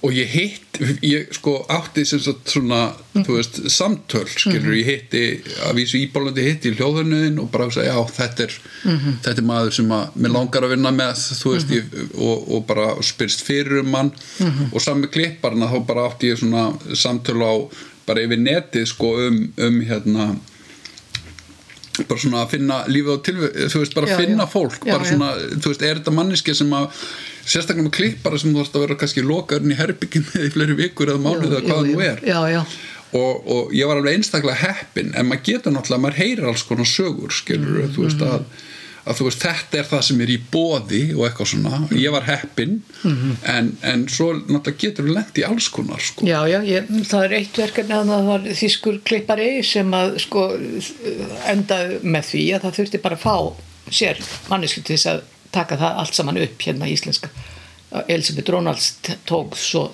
bara aðeins sér að, að klára það já. en það, þú veist, það er náttúrulega mjög mikið lána að fá hana en þá er það náttúrulega viðbúta kostnaður held ég. Já, emitt og ég veit ekki hvort allir framlegendur eru til í það. En þú veist þetta er kannski eitthvað sem að maður á að verja sig með samningum uh, í eða hvaða sko uh, hvað er hægt að ganga langt í samningum sko, mm -hmm. með að sko, gardera sko, höfundaverk og eh, sköpunverk Já, það er af því að það er ekkit aft hérna akkur framleiðenda að gera gott verk er bara ekkit endilega að, sko. nei, þú veist, ég er alltaf ekki að hérna alhæfa en það er stundum verið að horfa meira í peningin heldur en nokt sem hann kvalitet en þá, þá sko komum við kannski að þessu hérna svona líkil sambandi uh, sem að er hérna leikstjóri og framleiðandi. Já, já. sem að er kannski sko lengsta sambandið sem að maður gengst í, í kvikmyndaverki að því að, að það getur, það er samband sem að fyrir yfir ár, mörg ár sko já, að því að já, þú veist í svona við kvikmyndagerna þá er þetta kannski nokkru mánuðir sem var að vinna um fólki en, en, en samband leggstjóðs og framlegandans er, er mjög lengra það er allur undirbúningur og fjármögnun og upptökurnar og svo eftirvinnsla og svo bara all eftir fylgni og, mm -hmm. og, og, og svo átti eitthvað afkvæmi með viðkomandi sko mm -hmm. þannig að hérna það getur líka verið alls konar sko, það samband og ég myndi segja sko, ef að það er eitthvað skakt í því sambandi -hmm. Að þá þá er, er maður á ansi erfiðum stað sko, þú veist, ef að ef, það, ef að leikstjóri það verður inferno það er inferno, það er bara ef að leikstjórin og framlegandin eru ekki að gera sama verkið og hafa sömu væntingar og, og hérna, sömu svona tilfinningar gagvart í auðvitað, þú veist, uh, þú veist er þetta þitt persónulega verk oft en, en framlegandin verður að vera á sömu blaðsíðu, hann verður að vera með þér í liði. Já, annars bara fer illa. Já, og það þýðir ekki að ætla sér bara að framlega fyrir það að vera framlegandi Nei, nei. það verður einhvern veginn að koma því áleiðis einhver staðar í umræðinni ég já, Ég- sko, ég veit ekki hvort að þetta sé algengt en, en eflaust það eru oft átök sem að hérna þyrti einhver staðar að vera plattform fyrir eh, hérna hinn skapandi listamann -hmm. að eiga sagt hérna sem sagt uh, möguleika á að leita til já, og eitthvað að bara til dæmis eins og SKL Mhm. að því við erum að tala hér á vegum þess að, að láta svona kannski meira til sín taka í umræðinni um já, uh, já bara, hvert er hlutverk? hvert er, hlutverk framlegandans og, og, já, hvað skildum mörkin vegna þess að sko markarleysi er eitthvað sem er stórhættulegu hlutur. Það er mjög stórhættulegt sko og hérna ég held að, að, að við séum einhvern veginn sem, sem fag sko uh, að komast einhvern veginn á þann stað að þetta sé þetta er allt í einu svona uh, þú veist, eru við farin að ræða vitrætnum hluti og, og hérna uh, bara þetta að við skulum sitja hérna tvö og vera að ræða fæið og, og vinnuna og eitthvað sem að það, maður er ekkert séð þetta að vera að gerast fyrir 10, 15, 20, 30 árum síðan sko, þú veist, það er miklu meira samtal orðið í gangi Já. um, Já, já. um hluti sem skipta máli og, að, og, og við erum ekki lengur sko, þetta er orðin meiri ég vil ekki nota orðið yðnaður en þetta er orðið meira það er svo margir sem starfa við þetta. Þetta er orðið fag og það eru fleiri, fleiri hundrum manns Já, já. sem koma að kvikmyndagerð uh, og hafa fullt fulla hattfinna af sí á einhvern hátt. Og hérna þú veist, við þurfum að fara að vinna í þessum hlutum sem að sem að eru eru broti eða, eða og, og líka bara opna á allt samtalið þú veist að, að diskutera þessar hluti skilur við, þú veist, að því við erum dálítið aftarlega á merinni Já, sko. ég held að það, það er sé, svolítið skortur á því að menn séu eða fái tækifæri eða sko þá vantar einhvern svona stað eða tilefni til þess að menn komi saman og tali -hmm. skiptist á skoðunum -hmm. Bara alg, alvöru samtal. Já. Nei, maður hefur oft hitt sko, hérna ímsa hérna, menn úr fæinu sem að þegar maður tala við þá einslega þá bara er það grátur og gnýstan tanna skilur, nánast sko. þetta er fólk sem getur ekki leita til neins. Mm og ég, sem sagt, þess vegna í ljósi þess oft verða að spekla við því akkur erum við ekki með svona hérna uh, svona bjarg uh, svona björgunarsveitir sem að hérna já, skipa líka eitthvað samtal milli fólks. Mhm. af því það er alveg sko grábölvað að lenda í því að standa einn. Já, í hérna svona einhverjum uh, málarekstri sem að er viðkomandi óviða. Mhm. af því að það, það eru dæmi um það ekki, ekki bara eitt, ekki tvö nei, fleiri. það eru fleiri. Já, En já, einmitt þegar þú hugsa svona einmitt um íslenska kvikmyndagerð og hvernig staðan er svona, hva, hva, þú veist, hvað kemur upp í hugan þegar, þegar hugmyndin íslensk kvikmyndagerð hva, þú veist, þetta er stór spurning sko, en, en svona, þú veist, hvar eru við skilur við, þú veist, hvað, hvaða tilfinningar bærast í þér sko. Já, mér finnst svona uh, bara mjög fínt að sko kveimdagerðin er að greinast svona, þú veist, það eru svona alls konar sjánra verða til sem Já. það voru ekki til -hmm. og að það bara sé viðurkent skilur, Já. og menn séu bara sáttir við það hérna landslag -hmm. og hérna eh, það sem að eh, hefur alltaf líka bara frá upphafi verið mjög mikilvægt að menn leita áhrifa, mentunar uh, stuðnings frá öllum mögulegum heimsóknum. Já, og það eru sagt, þessi áhrif sem að koma hér og tvinnast saman og, og verða að einhverju sérstöku sem er ekki endilega íslensk kveimdagerð nei. Og mér finnst það kannski ekki vera alveg uh, hérna metnaðarmál hefð mesta. Nei, heldur sko, að sko, vera með íslensk eitthvað sér íslensk mm -hmm. vegna þess að það veru ég heldur sem komin á hægla braut þá já, en bara lofa eh, sko einmitt hérna sköpunargleðinu, ímyndunaraflinu fjölbreytileikin. fjölbreytileikunum að, að fungera og bara taka sko vel til hérna árana já, einmitt. Akkurat.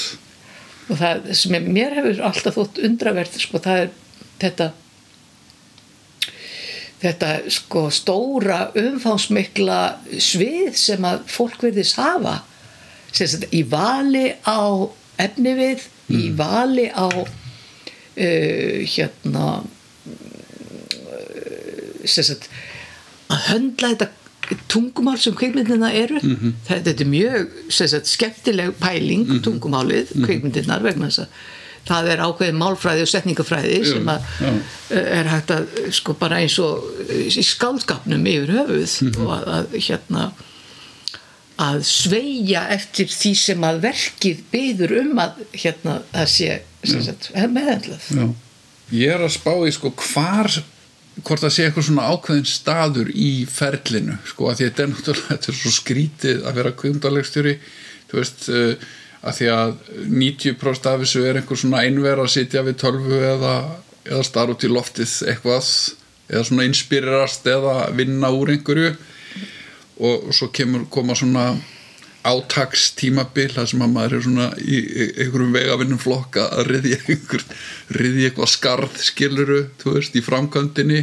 Og svo dettur það í, svona löð einhverja löð svona í eftirmyndslu er eitthvað svona er eitthvað sérstakur staður í þessu ferli sem þú nýtur meira en annað. Þú talaður á hann um hugmyndirnar sko þegar hugmyndirnar er að kveina en, en hef, eða hefur þú jafn gaman af þessu öllu? Já, í rauninni sko, þetta er náttúrulega bara eins og þú segir, þetta er alveg gjör ólík hérna svið. Og þú veist, það er ekki þetta að bera þetta saman. En hérna uh, það er náttúrulega kannski gjöfull á þægilega þú veist, og, eða meira hérna það er einhver unaður við það að sitja einn og semja. Eða láta sér detta eitthvað í hug bara láta hugan svona bera þig áfram og láta eitthvað, eitthvað hugmynd leiða þig bara, þú veist endalust áfram. Þetta er sagt allt annað í tökunum. Uh, tökur eru mjög erfiðar og maður er alveg gjössamlega búin að vera. Og ég sé það bara myndum sem eru teknar af tökustað hvað maður er sko tekin og hérna þreytulegur að sjá með bauganir á miðja kinnar. En samt sem áður finnst mér það eitthvað það er óbóstlega stort kikk út úr hérna í tökunum. Að sjá eh, hérna þennan heim framkallast allt í einu, verða að veruleika.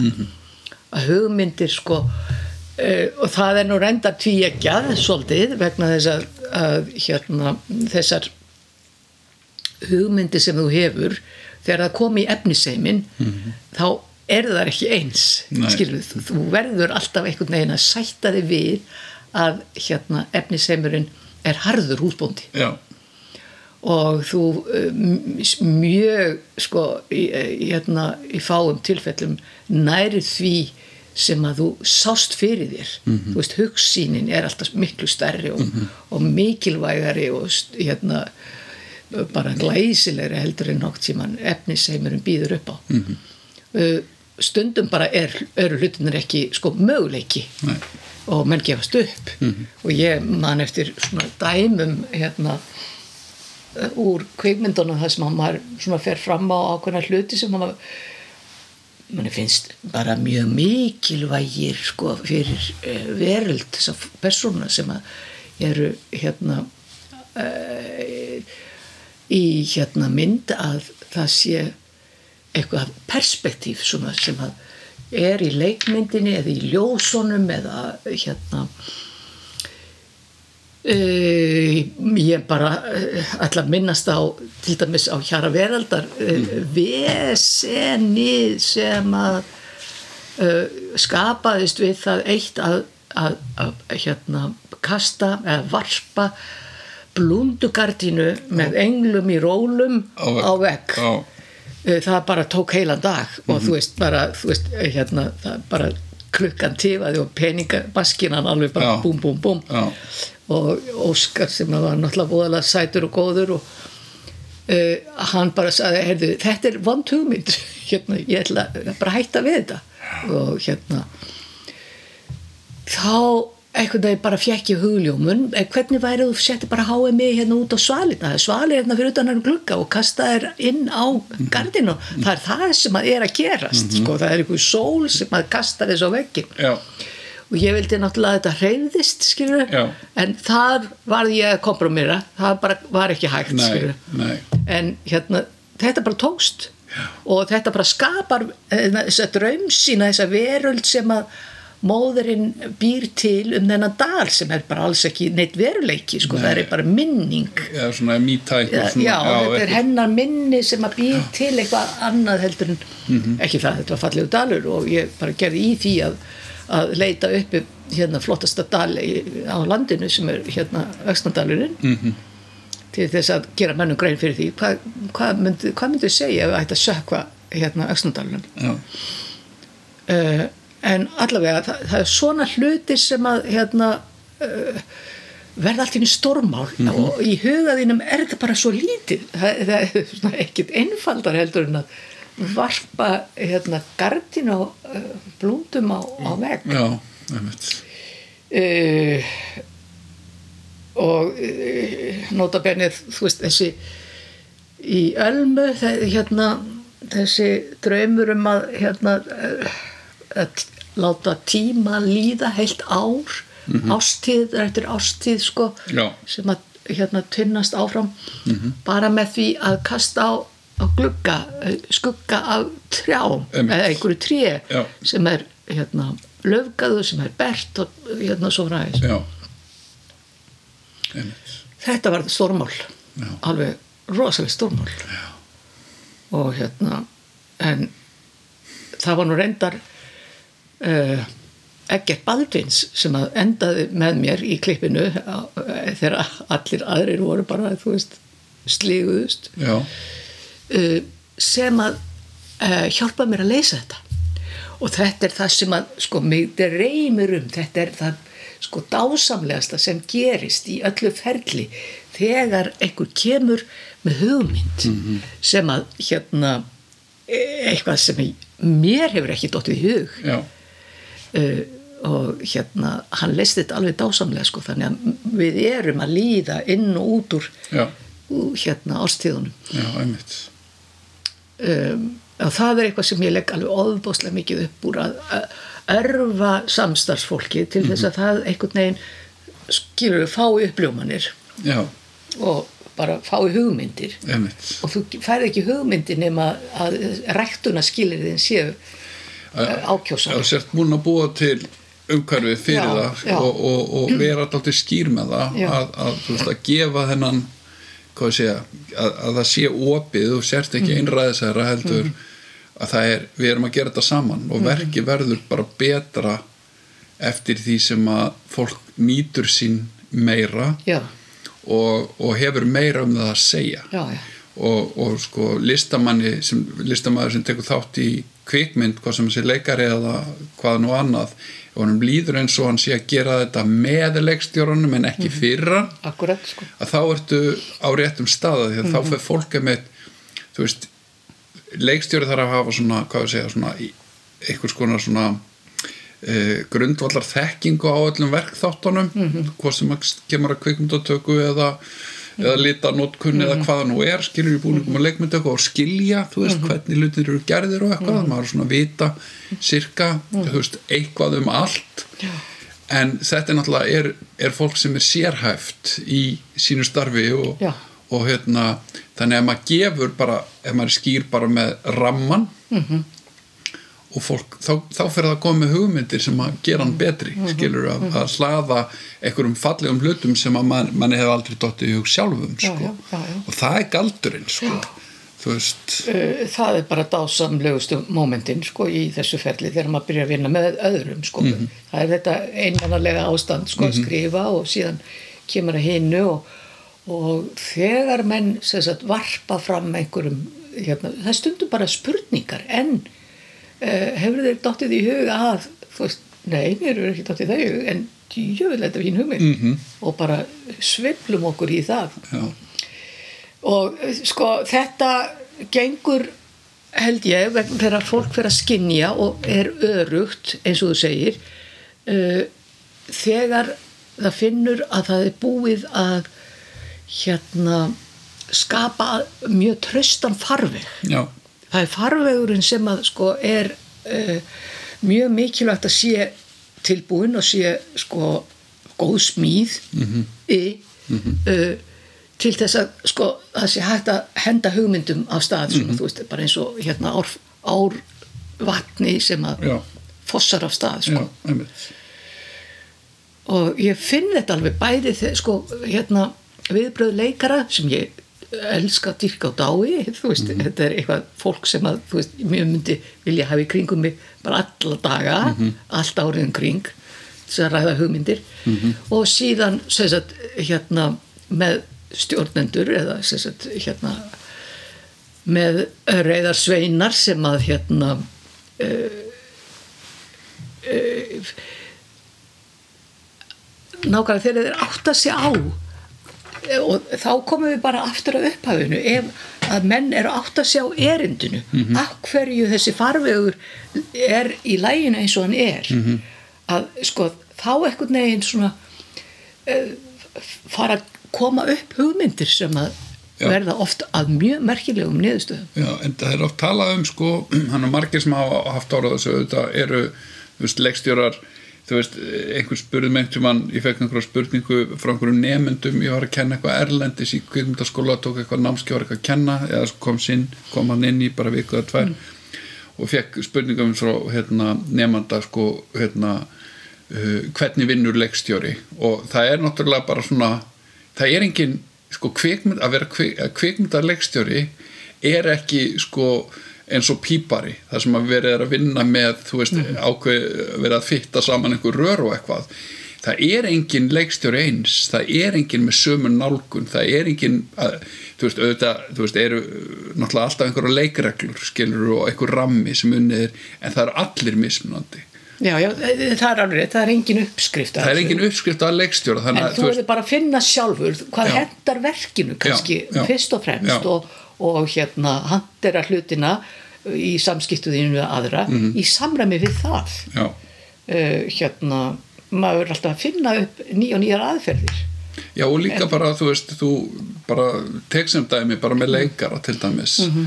uh, þú veist ég, ég til dæmis eða með miklum tíma með leikurum bara í sko þú veist ekki hérna því ég segi ég æfi mikið Mhm. þá er það ekki alveg rétt sko. Ég, þú veist ég er ekki út á gólfi stöðut að, að æfa senur áður fyrir tökur. Nei. það sem ég kalla æfingu jú það kemur fyrir ef það er einhver sem að þurfa þú veist að að finna út úr einhverjum slagsmálum eða hvaða nú er, segi ég. En gen er alltaf ræfingi á mér í rauninni bara samlestur, eða sem sagt við sitjum bara við borð, við drengjum kaffi við lesum þessast tilteknum senu og diskuterum hana og, og, og breytum henni kannski og prófum aftur og eitthvað svona skilur við, þannig að þú veist þetta er ekki beint físiska ræfingar þetta er meira, þú veist, að koma bæði, sko, að skilningavitin séu kveikt fyrir um hvað er senan eða hvernig skinjar þú þessa senu og, og það er mjög misjant, hvernig hún nálgast hvern leikara.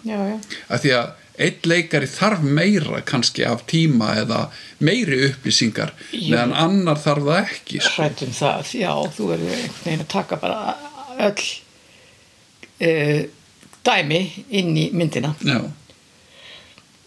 og hérna það getur verið sko reyndar þegar út með hópsinnur ævintýralegt skilur við þegar að hérna, koma svo sjónarhóttnur öllum áttum já, um, og þá er einmitt sko galdurinn kannski að vera bara nógu fljótur að, að sjá hvernig þú getur þrætt þetta allt saman saman Já. vegna þess að það er alltaf hægt uh, nema þú sért með einhverja mikla vandræðakemlinga sko Mhm. innanbóðis og, og það er náttúrulega bara þér að kenna þá já.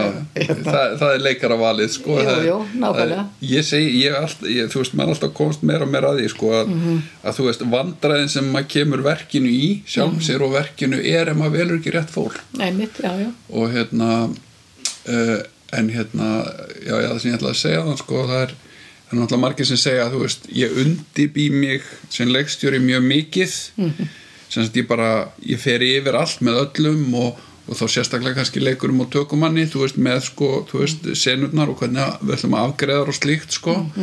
Þannig að þú ert einhvern veginn búin að ákveða búin að, þú veist, dagurinn er stuttur 10-12 tímar og, og þú ætlar að náttúrulega miklu efni og þú þarft að vera náttúrulega undirbúinn en ef þú ert mjög vel undirbúin þá getur einmitt þegar kemur á staðinn að því í því að vera undirbúin felst tími að þú er búin að eyða tíma að hugsa um þetta tiltekna mál eða þessa tilteknu atriða vingilega hvað það er sem því þá fann að þekkja og það gefur þér opáslegt frelsi á tökustað að einmitt að breyta að taka, einhvern kemur hugmynd og þú ferð ekki vörn að því þú Já, ert já. örug með efnið þitt. Já.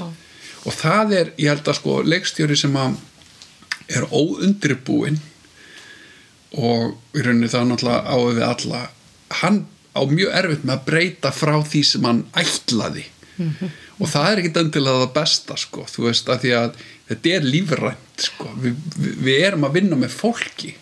Nákvæmlega, og- en það svona getur líka sko, komið þér vel uh, á nótum að gjör þekki efnið. Og það náttúrulega gerir þú ósjálfrátt sko, þú ert að sko, setja upp eða sagt, hvort sem það er leikus eða annar stað, ef það er verk eftir þig til dæmis í bíói mm maður lendi oft í því að ok, ég meina hér er dagurinn að renna út og það þarf að kötta hérna eitthvað og þá verður maður að setjast niður og finna lausn á því. Já. hvernig ætla ég að bjarga því að sko það rinni ekki strúktúrin skilu þannig að þú er að finna eitthvað shortcut með því að gera eitthvað bara mjög lítið sem mm kostar enga tíma og enga fyrir mm og þegar þú þekki verkið þá er í flestum tilfellum þetta einmitt. Og bara ég svona eh, bara komst áþreifanlega að þessu í, í tökum að það hérna þurfti ofta að grípa til þessa ráðs. Já. en þá var eins gott ég vissi hvað ég vildi. Já, ef að ég hef, hef ætlað bara að láta þetta fljóta einhvern veginn sko þá hefði þetta orðið alveg katastrófa. Já, ég held að það sé mjög, þú veist, uh, þú veist uh, við sem skrifum handritin okkar sjálf, skilur, þú veist, við náttúrulega búum að því að þú veist, allt sem að, veist, við erum að gera hefur, veist, við vitum af hverju, þú veist, að því að við skrifum það. Þannig að það er kannski ofta öðruvísi ef einhver leikstjóri er að taka, er ráðinn á eitthvað í sjónvarserju að leikstýra einhverju handriti sem einhver annar skrifaði.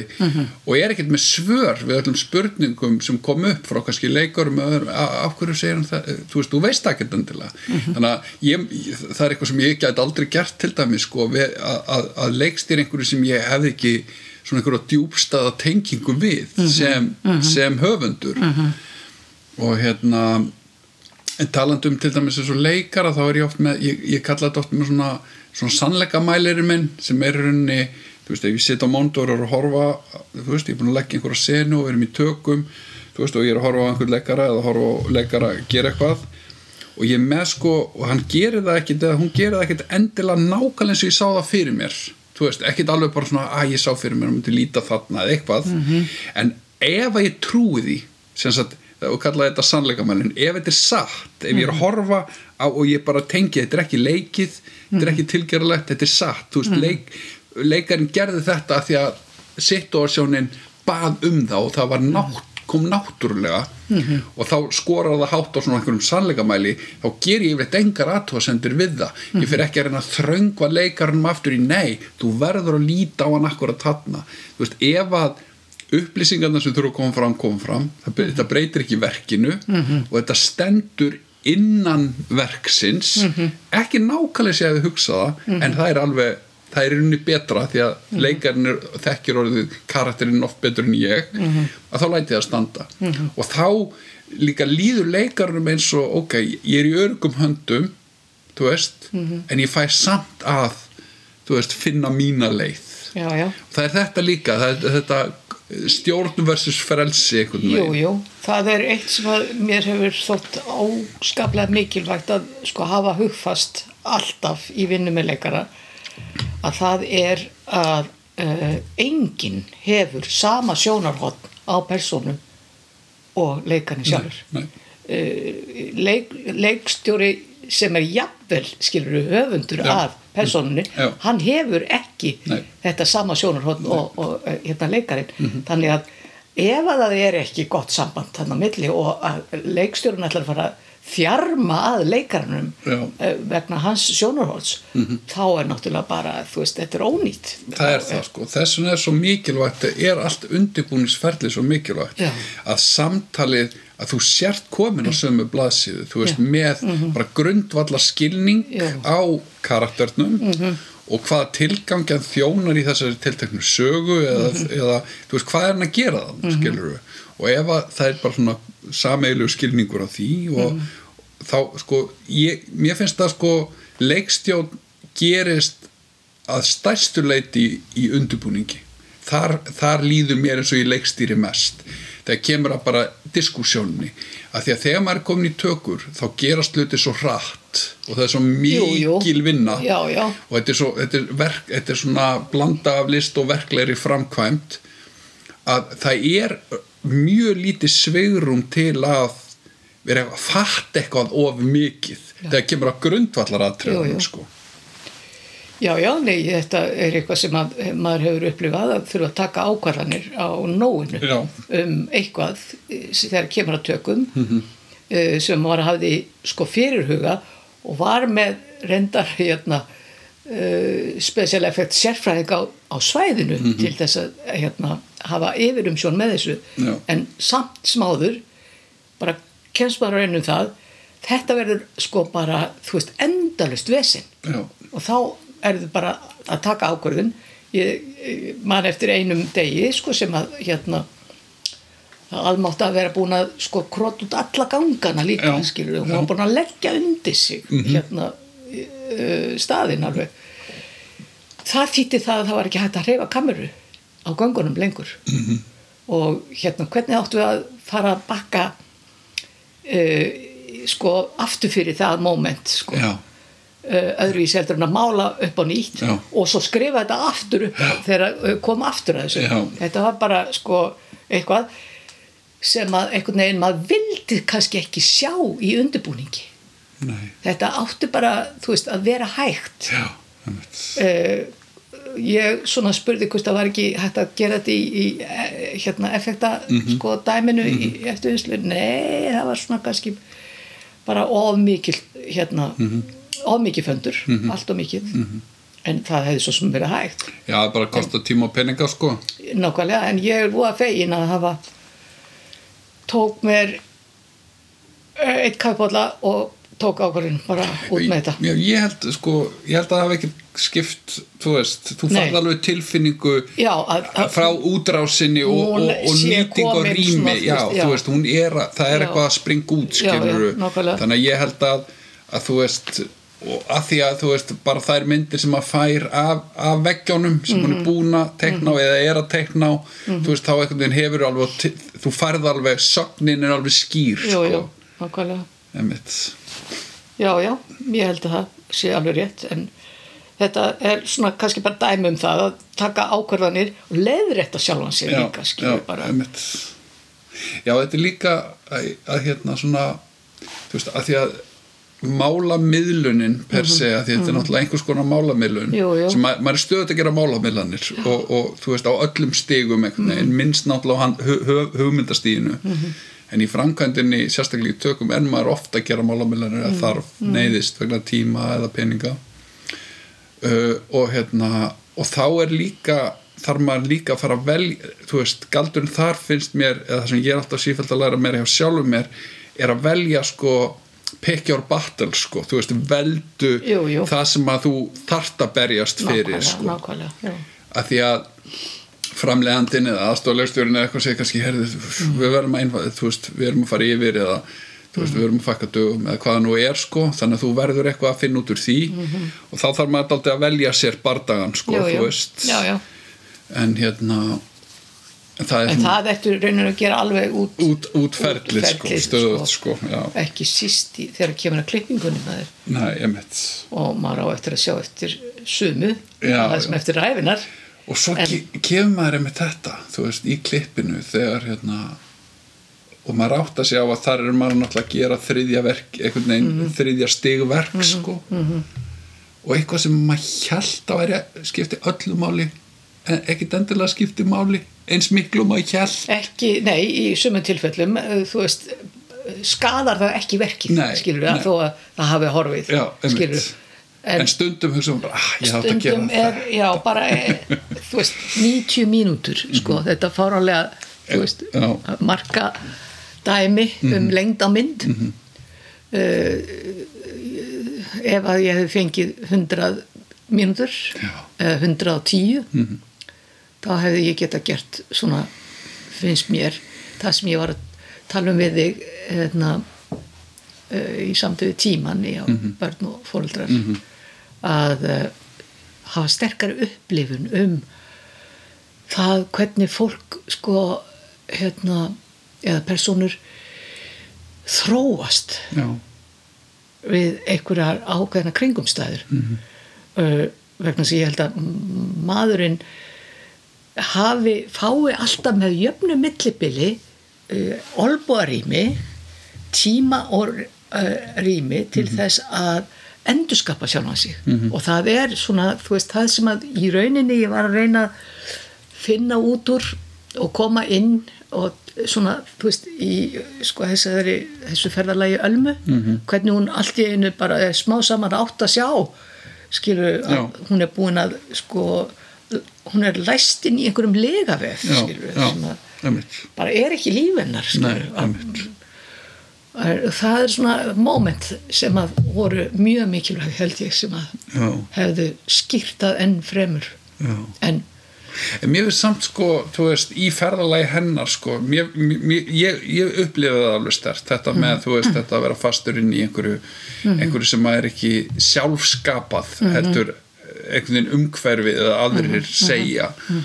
Og mér finnst svona, sko, eftirminnilegustu momentin í ölmu fyrir mér eru það sem hún er ein, það sem hún er að reagera á þennan þessa hluti Já. er bara þegar hún er að til dæmis að skera leðurjakkan Já, já. skilur þessi mómenti, hún er með nýfin í rúminu og þetta, Mhm. þessum hún, er- hún er komin á Djúpavík og hún er einhvern veginn að það er að fyllast út í hana, sérst jú. það fannst mér alveg rosalega sterk augnablík sko.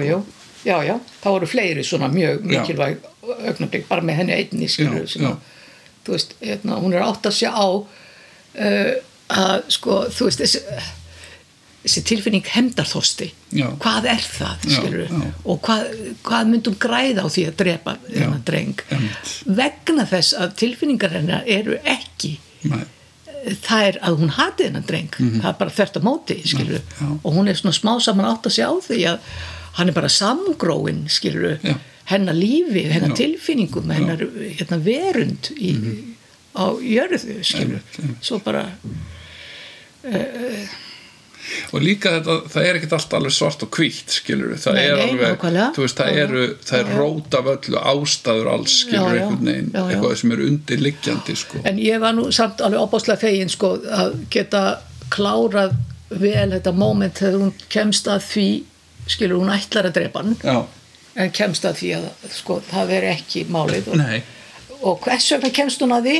Það er að því að uh, uh, hún átt að segja á því sem hún trúir ennþá. Hún sér, hún er búin að heita hann lifandi og henn hún trúir því áfram að hún sé morðingi. Uh, þú veist, það rennur allt í einu upp fyrir henni að hún sé ekki morðingi. Og það finnst mér mjög uh, hérna merkileg tilfinning. Já, hún, já, já og ég menna, þú veist, hún, hún einhvern veginn þú veist, á endan gerur hún ekki það sem einhvern veginn hvað ég að segja, sko, áhorfandinn eða eða uh, við ætlum af henni sem er sko, hérna klísjan, skilur Mhm, þú jú, veist, jú. sem er, maður hugsa, að já þú veist, ég, hún segist alltaf drepan skilur og maður Mhm. hugsa bara það er ekki góð ákvörðun en samt einhvern veginn viltu fá hendina þú veist, það er þetta með Mhm. Jú, leika, leika með væntingar áhorfandans Já, svona dramatísku spurningu mér finnst það mjög hérna, fallega gert sko. Mér finnst líka sko, það, sem er, það sem er sko, með, með sko bara staðsetninguna á uh, svona myndrænt skilur að staðsetja þennan lokapart skilur þú veist að hún fer aftur í eitthvað kjarna þú veist að uppgöta sjálfa sig og finna sig eða, eða bara skilja skilur þú veist hvað hefur gerst og svo framvegis. Á Djúpuvík skilur sem er einhvern veginn sem er nánast ekki sko raunverulegur staður. Nei, nei, nei. hann er einhvern veginn sko þú veist, hann var einhvern tíma raunverulegur en hann er það ekki lengur. Og þú veist, og þær hérna hérna gömlu, þær tvær sko hérna Rífa og Grisbjörg sko, þú veist, svo dýnamík sá heimur sko. Þú veist, það er eitthvað svona heimur inn í þeim heimi. Þetta er, þú veist hérna, það er líka þetta með hérna, veist, það er svona samsörun við, við hérna, að tala um með veggin áðan, skilur við, munstir á veggnum í, uh, á hér að veraldar sko, og það er líka þetta með munstir á veggnum í, í hérna, ölmu, skilur við, það er einhver sögn í, í ljósinu og einhver saga í þessu öllu sko. Eh, með myndlistina þú talar um að þú hefur fengið myndlistagrunnan í MR daldið sko. Þú veist hversu lengi þú veist vinnurum með leikmyndahönnuði til dæmis skilur hvar þú veist hvar hérna? Já, sko, hérna það var nú svona ekkit óendalega langu tími sem ég hafði með, með Laszlo. Nei, en hérna hann er náttúrulega arkitekt já, og hérna hann tók ekki í mál að vera með þess að heimskulegu stóru hérna ganga þarna á Sanktu Jósefsspítala og vildi bara þrengja þetta og þú veist, ok ef við megum það þá, eh, þá gerum við það. Já. það verður alveg æðislegt, þetta verður svona þú veist, eitthvað svona mjög aðþrengjandi og, og svona gi- gildrængur Á- á og svo gerir hann já. þetta bara þú veist, eins og tortúr skilur Já, hérna rými. Já, uh, uh, kannski bara var það hérna, að því það var Laszlo að hann fekk budget til að gera þetta Já, þess að þetta er bara ok. ekki smá smíði að hérna búa til sko gangana og hurðir já, uh, hérna uh, eftir endurlöngum gangunum uh, þ- þetta fannst mér eitthvað alveg dásamlegt sko Já. við Laszlo bara þú veist að taka þessa ákvörðun Já. og sem sagt svo hérna uh, mætti hérna borgastjóri eitthvað tíman í, í eitthvað hérna teiti um, 40 ára amali, rítundur amalið Sigurðar. Og ég bara uh, sett hann í þennan vanda bara þú veist, áttu ekki, ertu ekki með eitthvað húsnæði sem þú getur lána mér í tökur? Hann hugsa sig um hérna bara 1, 2, 3, 4 jú ég er með hérna húsnæði fyrir þig sem getur leikis hérna langa ganga. Og það er hérna gamla fassótar húsið fyrir útigangsmenn sem var síðar sko. Já, og uh, þá bara neðst á frakkastygnum eða já það, eða, það er hérna á hotninu hvað er þetta ekki spítalastígur? Spítalastígur, já, um, en allavega um, þar fekk maður algjörlega einhverja veröld sem að rýmar við, við Já. geðeikra spítala. Já. En sko þar setti ég inn litin hennar ömmu. Amma var sko lita sérfræðingur, hún týndi grös og hérna bjóð til alveg litaskala og, og uppskrifti gátt bók um þetta. Já, og þannig að hérna eins og þetta var sterilt og döitt og mikill tortur á spítalanum það var hitt svona grænt gróandi skilur lita skalið úr hérna, sem þetta drapa bara blöngum úr já, já, og svo hérna úr uh, hérna uh, lampagrasi og, og ímsu hérna þessi tónar sem að eru bara íslensk náttúra Já. þannig að náttúran var lifandi inni Mhm. en úti var allt sko eh, hérna heillum horfið Mhm. Það var bara hérna auðun og eðimörk sko, þetta var allt að drabbast þarna niður. Mhm. það er nú svona hluti af því að sko það er fall eh, stórveldis. Já, Eh, þetta var sko fall stórveldisins Íslands hérna á fjármálamarkaði. Já, og síðan var þetta fall uh, konu. Mhm. og síðan var þetta fall sagt uh, heilsþorps Já. að, uh, þannig að hérna það er eitt sem að ég hérna er alltaf stöðugt að leita eftir og það er veist átök anstæðra afla Mhm. -hmm. og bara stefni saman öllu sem ég lifandi get mm Mhm. -hmm. skilur og e, þetta er eitt af því þetta dauðin og svo lífið og náttúran -hmm. og síðan hérna þú veist í starra samengi samfélag sko -hmm. en um, sko þetta þýðir það að ég er með rosalega mikla hugmyndir um hvernig sko þú veist uh, scenografían hérna, á að líti út og Já. hvað er verið að gera vegna þetta er hluti af personunum um, Já, sérstaklega í Ölmu þá að því hún er, hún er ekki observatív skilur, hún er svo internal myndin Já, já, að þú veist, þótt að maður sé á þekktum stöðum skilur, eins og Djúpuvík skilur, Já. sem ég hef keirt og komið á þá er þetta aldrei Djúpuvík samt nei, skilur nei, ég því- passaði mig á að nota ekki túrista Nei, þetta Eh, verður svona sérkennin, sko. þetta verður svona Já. internalt Já, skilur, myndmálið en allavega sko þá til dæmi sko fór ég út í það að búa til svona franska veggja því að eh, hérna, Emmanuel kemur inn í þessa fjölskyldu og Mhm. frá Fraklandi hún er, er á, sem sagt, á eftir stríð á flotta og það er þessi franski glerveggur sem að var fyrir mér alveg ofbóstlega mikilvægur. Var fyrir handan, handan við þennan glervegg var hérna eða sko uh, benska mannkinn bara villimennskan skilur það sem að menn eru afhauðsaður Já, hérna. Og hérna uh, þetta sagt hjálpaði uh, bæði, var tveir menn sem að uh, hjálpuðu mér við að hanna þennan glervegg skilur. Mhm. skildu ekkit í þetta gerist ekki á Íslandi. Eitthvað við sinn Mhm. en ég hafði þetta í gegn.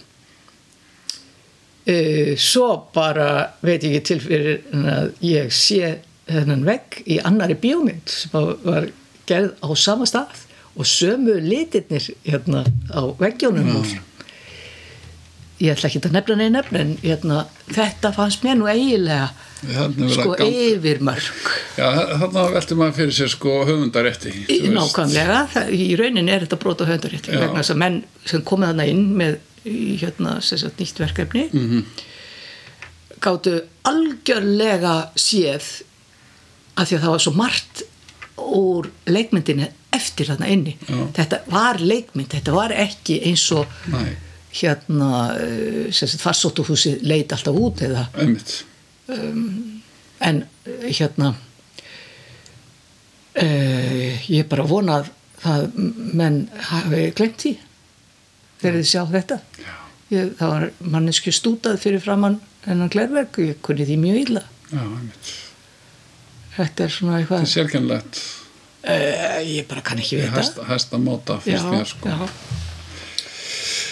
en allavega hérna En það, þetta bara sagt, uh, ef ég súmur þetta upp Mhm. þá finnst mér þetta vera algjörlega auðvitað samvinna eins og ég nefni með, við Laszlo og síðan var hérna stígur sem ég hef unni mikið með og, og við þurfum eiginlega bara að búa lítið að tala saman sko. Já. og ég bara senda honum bara hérna litapröfur og, og hérna Mhm. myndir og, og hann gerir alltaf það besta úr þessu já, og hann veit alveg hvað ég vil Já. og mér finnst er bara dásanlegt að vinna með honum Mhm.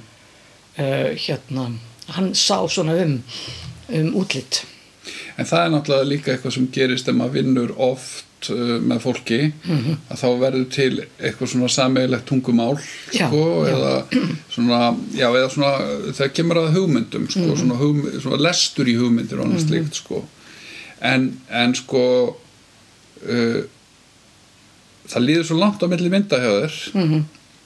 þú veist, þú, við erum að tala um já, þú veist, kvikmynda í fyrir lengt Mhm. það er 83 til 2021 Já, ég sótti um tíu ári röð Já. og fekk ekki Nei. neitt, skilur Nei, þannig að sko, þannig að- talandi um samfellu í höfundaverki að þá er þetta ansi gísið þarna á milli skilur og hérna þú segir, þú sóttur um í tíu ár. Hvað er það?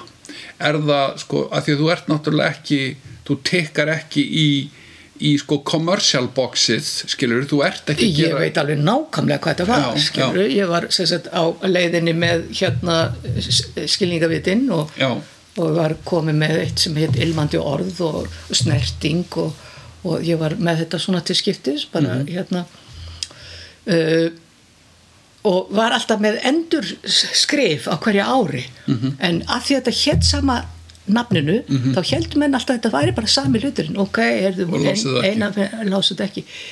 Eh, það er einn kollega mín sem að fann ráð við þessu að, hérna sem var búin að senda svona einn kannski nokkur ári röð og hún heft heftaði saman blaðsíðutar og fekk það saman heft til baka aftur sko, skilað. Þannig að menn eru ekki að lesa eh, oftar en einu sinni hendrit með sama nafninu. Nefnitt þannig að því að þú fær aldrei svona einhvern veginn kannski aðgangað þú veist, díalóg uh, Nei.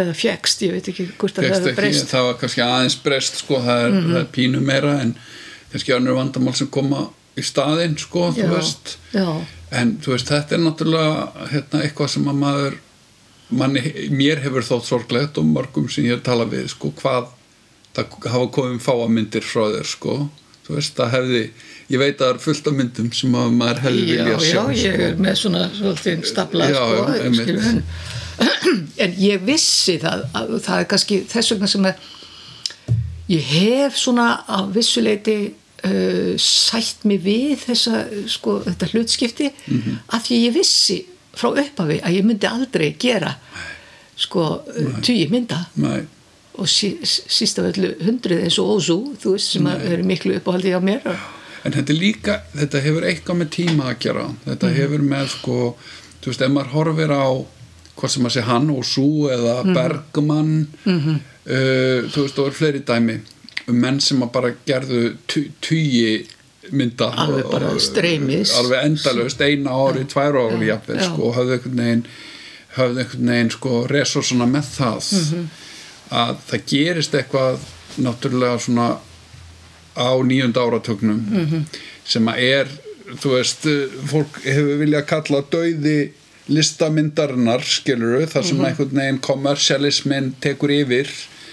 Jú, jú, og, og hérna og í rauninni verður mjög erfitt fyrir leikstjóra sem vinna svona það sem að, þú veist, við getum kallað listrætni kvikmyndir. Uh, það verður erfiðara bara hreinlega að fá fjármagn eða, eða dreifingaraðila eða eitthvað slíkt. Og meir sé að sko menn eins og David Lynch sem að nú sko, þú veist, eh, heimsþektur hefur meir sé lent í því sjálfur skilur og tala um Já, það já, oft jú, jú. að, að hérna, þær myndir sem hann langar að gera hann fær ekki hann, hann bara fær ekki féð í það samt er hann sko stórt nafn. Já. Þannig að sko Jim Jarmus, Jarmus sko, líka, hafði, hefur fjallað um þetta mikið Já, sko, já. að þetta sé bara endalokin á, á sko uh, kvikmyndinni sem listaverki. Já. Er, ég samt held í trúna því ég er, ég er hérna, optimist sko að, að hérna þú veist að við rýsum upp úr því á einhverjum tjónpunti og ég er að vona sko að, að yngri kynnslóðir muni mitt endur uppgötva formið sem slíkt skilur á einhvern máta. Og þetta tengist náttúrulega bara fjölmiðlun eða þú veist bara internetin og, og dreif, bara heimurinn er bara svo breyta svo mikið að ég held að, farf, að það finnist farfugur að því að sko ég, það, það er hérna það er svo sorglegt sko með, með ein, öll þessa einsleitni sem að hefur orðið þú veist að hérna að ef að við ætlum að lifa af skilur sem bara mannkinn þá verðum við að finna finna því farveg skilur eitthvað skona listrætni útrás. Og hérna ég held að maður skoða bara svo að, aðra listir sem eru sko ekki bundnar eins mikið fjármagn eins og til dæmis myndlistin. Mm -hmm. maður sé til dæmis eins og Ragnar Kjartansson sko sem að þú veist er í miklu uppáldi hjá mér sem er mjög hérna, skemmtilegu myndlistamæður mm -hmm. og hann bland, næra blanda sko sagt myndlist og kvikmyndalist og leiklist líka og músík hann, mm -hmm. hann svona saminar list, listgrinnanar einhvern veginn mm -hmm. í eitthvað form sko og, og hérna og finnur í rauninni listrætti kvikmyndagjær farveg á, á einhvern máta sko Já. og ég er að vona að, að þú veist nýr, heim, nýr heimur eða ný heimsmynd einhvern veginn það spretti upp fólk sem að, að þorir að gera þetta skilur eða finnur því farveg sko.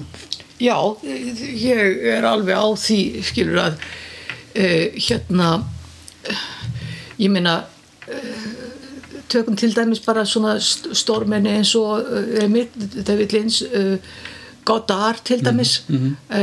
það væri missir ef við ættum aldrei séns að eignast slíka höfund aftur Já. Buñuel mm -hmm. með sína myndir mm -hmm. þú veist, hérna uh, hérna borgarastjættina, þannig að mér finnst hún alveg sko, þú veist, mjög eftirminnileg sko uh, bara reynsla að Já. hafa hort á þá Já. mynd og frelsið Já. sem að hann hefur það er bara í nafni listarinnar Já, einmitt. Uh, en auðvitað veit maður það og það þýðir ekki að horfa fram hjá því að þessi grein er sko sambland af list og yðnaði Já, og maður verður svona alltaf á einhvern hátt að taka tillit til þess að þetta er ekki bara listaverk skilur. Til þess er þetta of dýrt. Er, það er peningurinn það er peningurinn sem stoppar þetta allt saman En heldur þú hefur gert fleiri myndir ef þú hefur búið annar staðar en á Íslandi? Ég, ég bara hef ekki hugmyndu það. Nei, ég sagt, hef ekki endilega neina trú að ég hefði verið hald, ef ég hefði haldið áfram í Raklandi að ég hefði fengið endilega séns þar. Nei, nei, til þess sko er samkeppni líka þar Já. með hörð. Einmitt. en hérna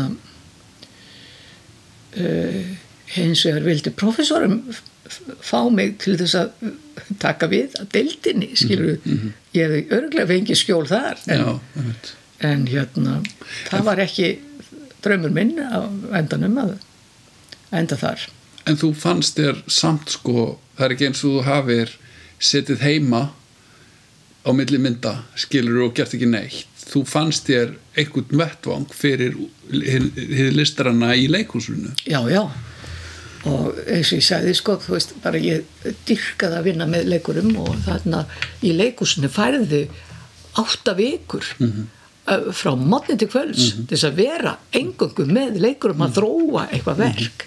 Þetta er eitthvað sem að þú fær aldrei í kveikmyndum, það er bara allt og dýrt og uh, hérna, þannig að hérna, ég er bara mjög ánað með það að hafa fengið þessi tækifæri sem ég fengið í leikusónum og hérna, það hefur líka þroskað sko mína tilfinningu bæði fyrir myndlist skilur því að hérna, leikus er stóru hluta til myndlist sko. Já, og líka bara vinnan, vinnan með leikurum að skilja sko ferli leikarans og hérna hvers hann þarnast og, og hérna líka átt að mig á því hvað ég þarf að gefa leikara til þess að ná árangri já, einmitt. uh, svona í flestum tilfellum þá bara er það mjög gjöfult Mhm. uh, hérna og ég sé ekkit eftir þeim tíma svo sem að þó ég hefði viljað vera í, í hérna bíó líka Já. skilur meira, Mhm. ég, ég get ekki neita því Nei,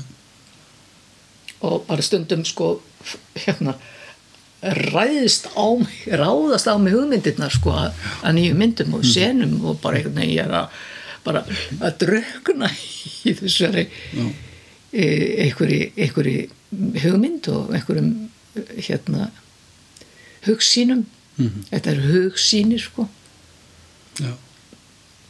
já já Kvikmyndalegstjóri, er það bölvun að blessun? Já, sko, það bara fyrir eftir í hvernig þú ert innstiltur Já. og hvernig þú hérna uh, uh, hvernig þú hemur þig og hvernig þú hérna leitar þér farf, að farvegi eins og mögulegt er.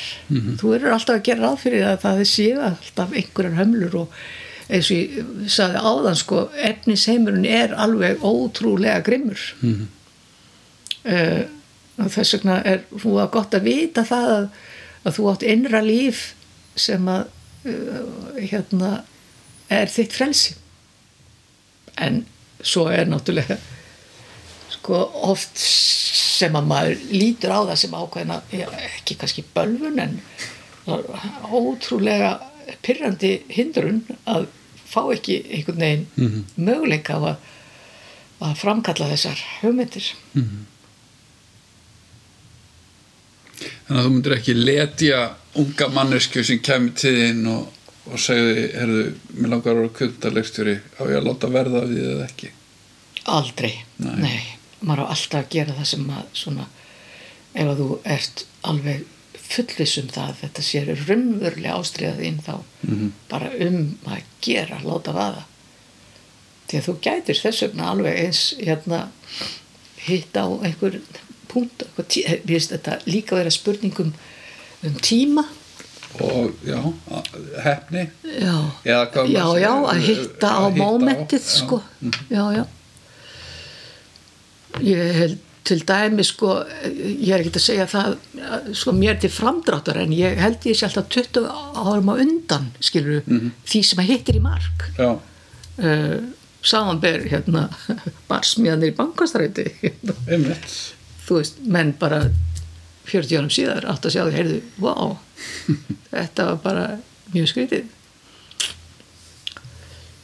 og svo er líka sko það sem mér finnst vera mjög merkilegt að það eru nefnendur þarna nýri listaháskóla uh, sem að eru komnar með svona þú veist aðalega stúrkur en það eru kallmenn þarna líka enn sem inni sem að uh, telja uh, hjaran vera bara eitthvað sko hérna ávið hérna myndir lins áður en að lins var til mm -hmm. og hérna hafa skorið upp svona baráttu herur fyrir tilvist hérna hjara sem ekki er hægt að sjá reyndar hérna. en svo er þetta spurningum á maður að setja þetta á streymið svo allir getur séð Já, ekki spurning ég held líka með, þú veist, kvikmyndin það er nú það merkilega hérna, við þar að, hérna, og ég tek alltaf sem dæmi eina mínum uppáhalds kvikmyndum Charles Lawton og heitir Night of the Hunter já, já. og er eina myndir sem hann gerði mm -hmm. og hann er alltaf leikari og myndin í gerð og hann er alveg það fer engin í bíó hana 50 og eitthvað snemma mm -hmm. engin í bíó hræðilegi dómar mm -hmm. og hún bara hverfur og týnist og gleimist svo 30-40 árum síðar skilur er hún alltaf að dúka upp á lista yfir 100 bestu kvikmyndir sem gerðar hafa verið Nákvæmlega. og þetta segir mann eitthvað mikið, þú veist, hann er að gera hluti þar sem að Já. er ekki mainstream, mm -hmm. þú veist, hann er á einhverjum landamærum, dröms og veruleika mm -hmm. Uh, þú veist uh, hún tekar ekki in and box mm -hmm. á mhm. þeim tíma, mhm. skiluru mhm. en svo sér maður áhrifin sem að svo mynd hefur haft á á bara margar sjónur á kveikmyndu, hvað já, sem að sé svona listrætti myndir eða rillingsmyndir já, eða já, hvaða nú er sko. og maður er svo bara þetta er svo afstætt. Ég man ekki betur en að Margaret Duras hafi talið þetta að vera sína uppáhalds bjómynd að já ég, ég sem að kemur mjög óvart. Menn bara stóða öndinni. Hvað? Margaret, erstu brjálu hérna, ég minn sinni var hérna eitthvað svona á, á riff fyrir áratögum eða áratög síðan eða eitthvað, ég man ekki hvað, hvernig það var. Þá, þá var svona farið heim til kvikmynda leggstjóra og, og hort á mynd það var eitthvað svona selt, þú veist, tíu miðar í bóði mm -hmm. og leggstjórn þú farið heim til leggstjóra um til sína mm -hmm. þú veist, fólki á götunni einhver eina kvikmynd Já. og ég var beðin um að, gera þetta og ég síndi fólki Night of the Hunter mm -hmm. og og enginn hafði séð hana og, og fólk hefði bara almennt ekki heyrt af henni einu sinni sko. en það er, þú veist, kvikmyndir öðlast líf ef það er lifa þá meina ég bara ef kópían er til að þá hérna eins og, með, eins og við nefnum í héran skilur það er eitthvað, það er nýtt fólk með aðrar hugmyndir sem Já, að já, já. sem að bara hugsa, að já, heyrðu, byrju þetta er, er eitthvað sem byrju, hvað er að gerast þetta, já. það er fallegt. Já, já, eh, þannig að sko, ok, ég meina myndir eiga möguleika á nýju lífi, upprisu bara eins og öll verk. Já, Arthur Miller, ég var einmitt að lesa uh, í sambandi við sviðsetningun á Sölumanninum. Mhm, að hérna hann uh, var bara fjell sko út af öllum úr leikusum á tjámbili já, og hann skildi þetta alveg. Heyrðu ég bara, þú veist, er vissum að svo kemur, koma verk upp aftur og var öðlast nýtt líf, ég hef engar áhyggjur af þessu. -hmm. málið er að það er akkurat það sem að hefur verið gerst sko. hann er bara að verða hipp og cool aftur. Einmitt. Einmitt. En það er sem sagt hérna bara eins og með tískusveiflu þetta fer allt, þetta er allt spýr allt skilur, þetta kemur aftur svolítið Já. og breytt viðhorf til hlutana en svona, þú veist að menn þurfa á þess að halda ef þetta eru nógu góð verk skilur já. en það er bara eitthvað sem að sem að er ekki í mínu valdi að það er dæma um skilur með mínar myndir sko. nei, það er náttúrulega bara líka bara í maður veit aldrei sko, maður gerir bara sitt besta maður Algjörlega. gerir það sem manni þú veist, hugurinn stendur til og Mhm. það sem brennur á manni og þú veist, fæstir hlaupa til og eigða þremur, fjórum upp í tíu árum æfið sinni að gera kvikmynd Mhm. ef, ef það brennur ekki fyrir henni þótt að það sé náttúrulega undartekningar á því Mhm. en þú veist aldrei hvernig fólk tekur við hlutnum þú getur ekki séð fyrir hvort að verkið lifi Mhm. hvort það sé nægilega gott skilur þú veist hvort að það sé bara að koma á réttum tíma Mhm. það er svo margir þæ, þættir sem þú hefur enga stjórn á Mhm. og, og þegar maður sleppir hendin af því Mhm. að ætla að hafa stjórn á því eða hafa einhvers konar stórar væntingar Mhm. og bara hugsa ég ætla bara að njóta þess að framkvæma og svo bara ger ég eitthvað annað skilur, svo ger ég bara næsta verk eða, Jú, eða jú, eitthvað já, annað já, já, já. og þá er maður frjáls sko, þú veist Já.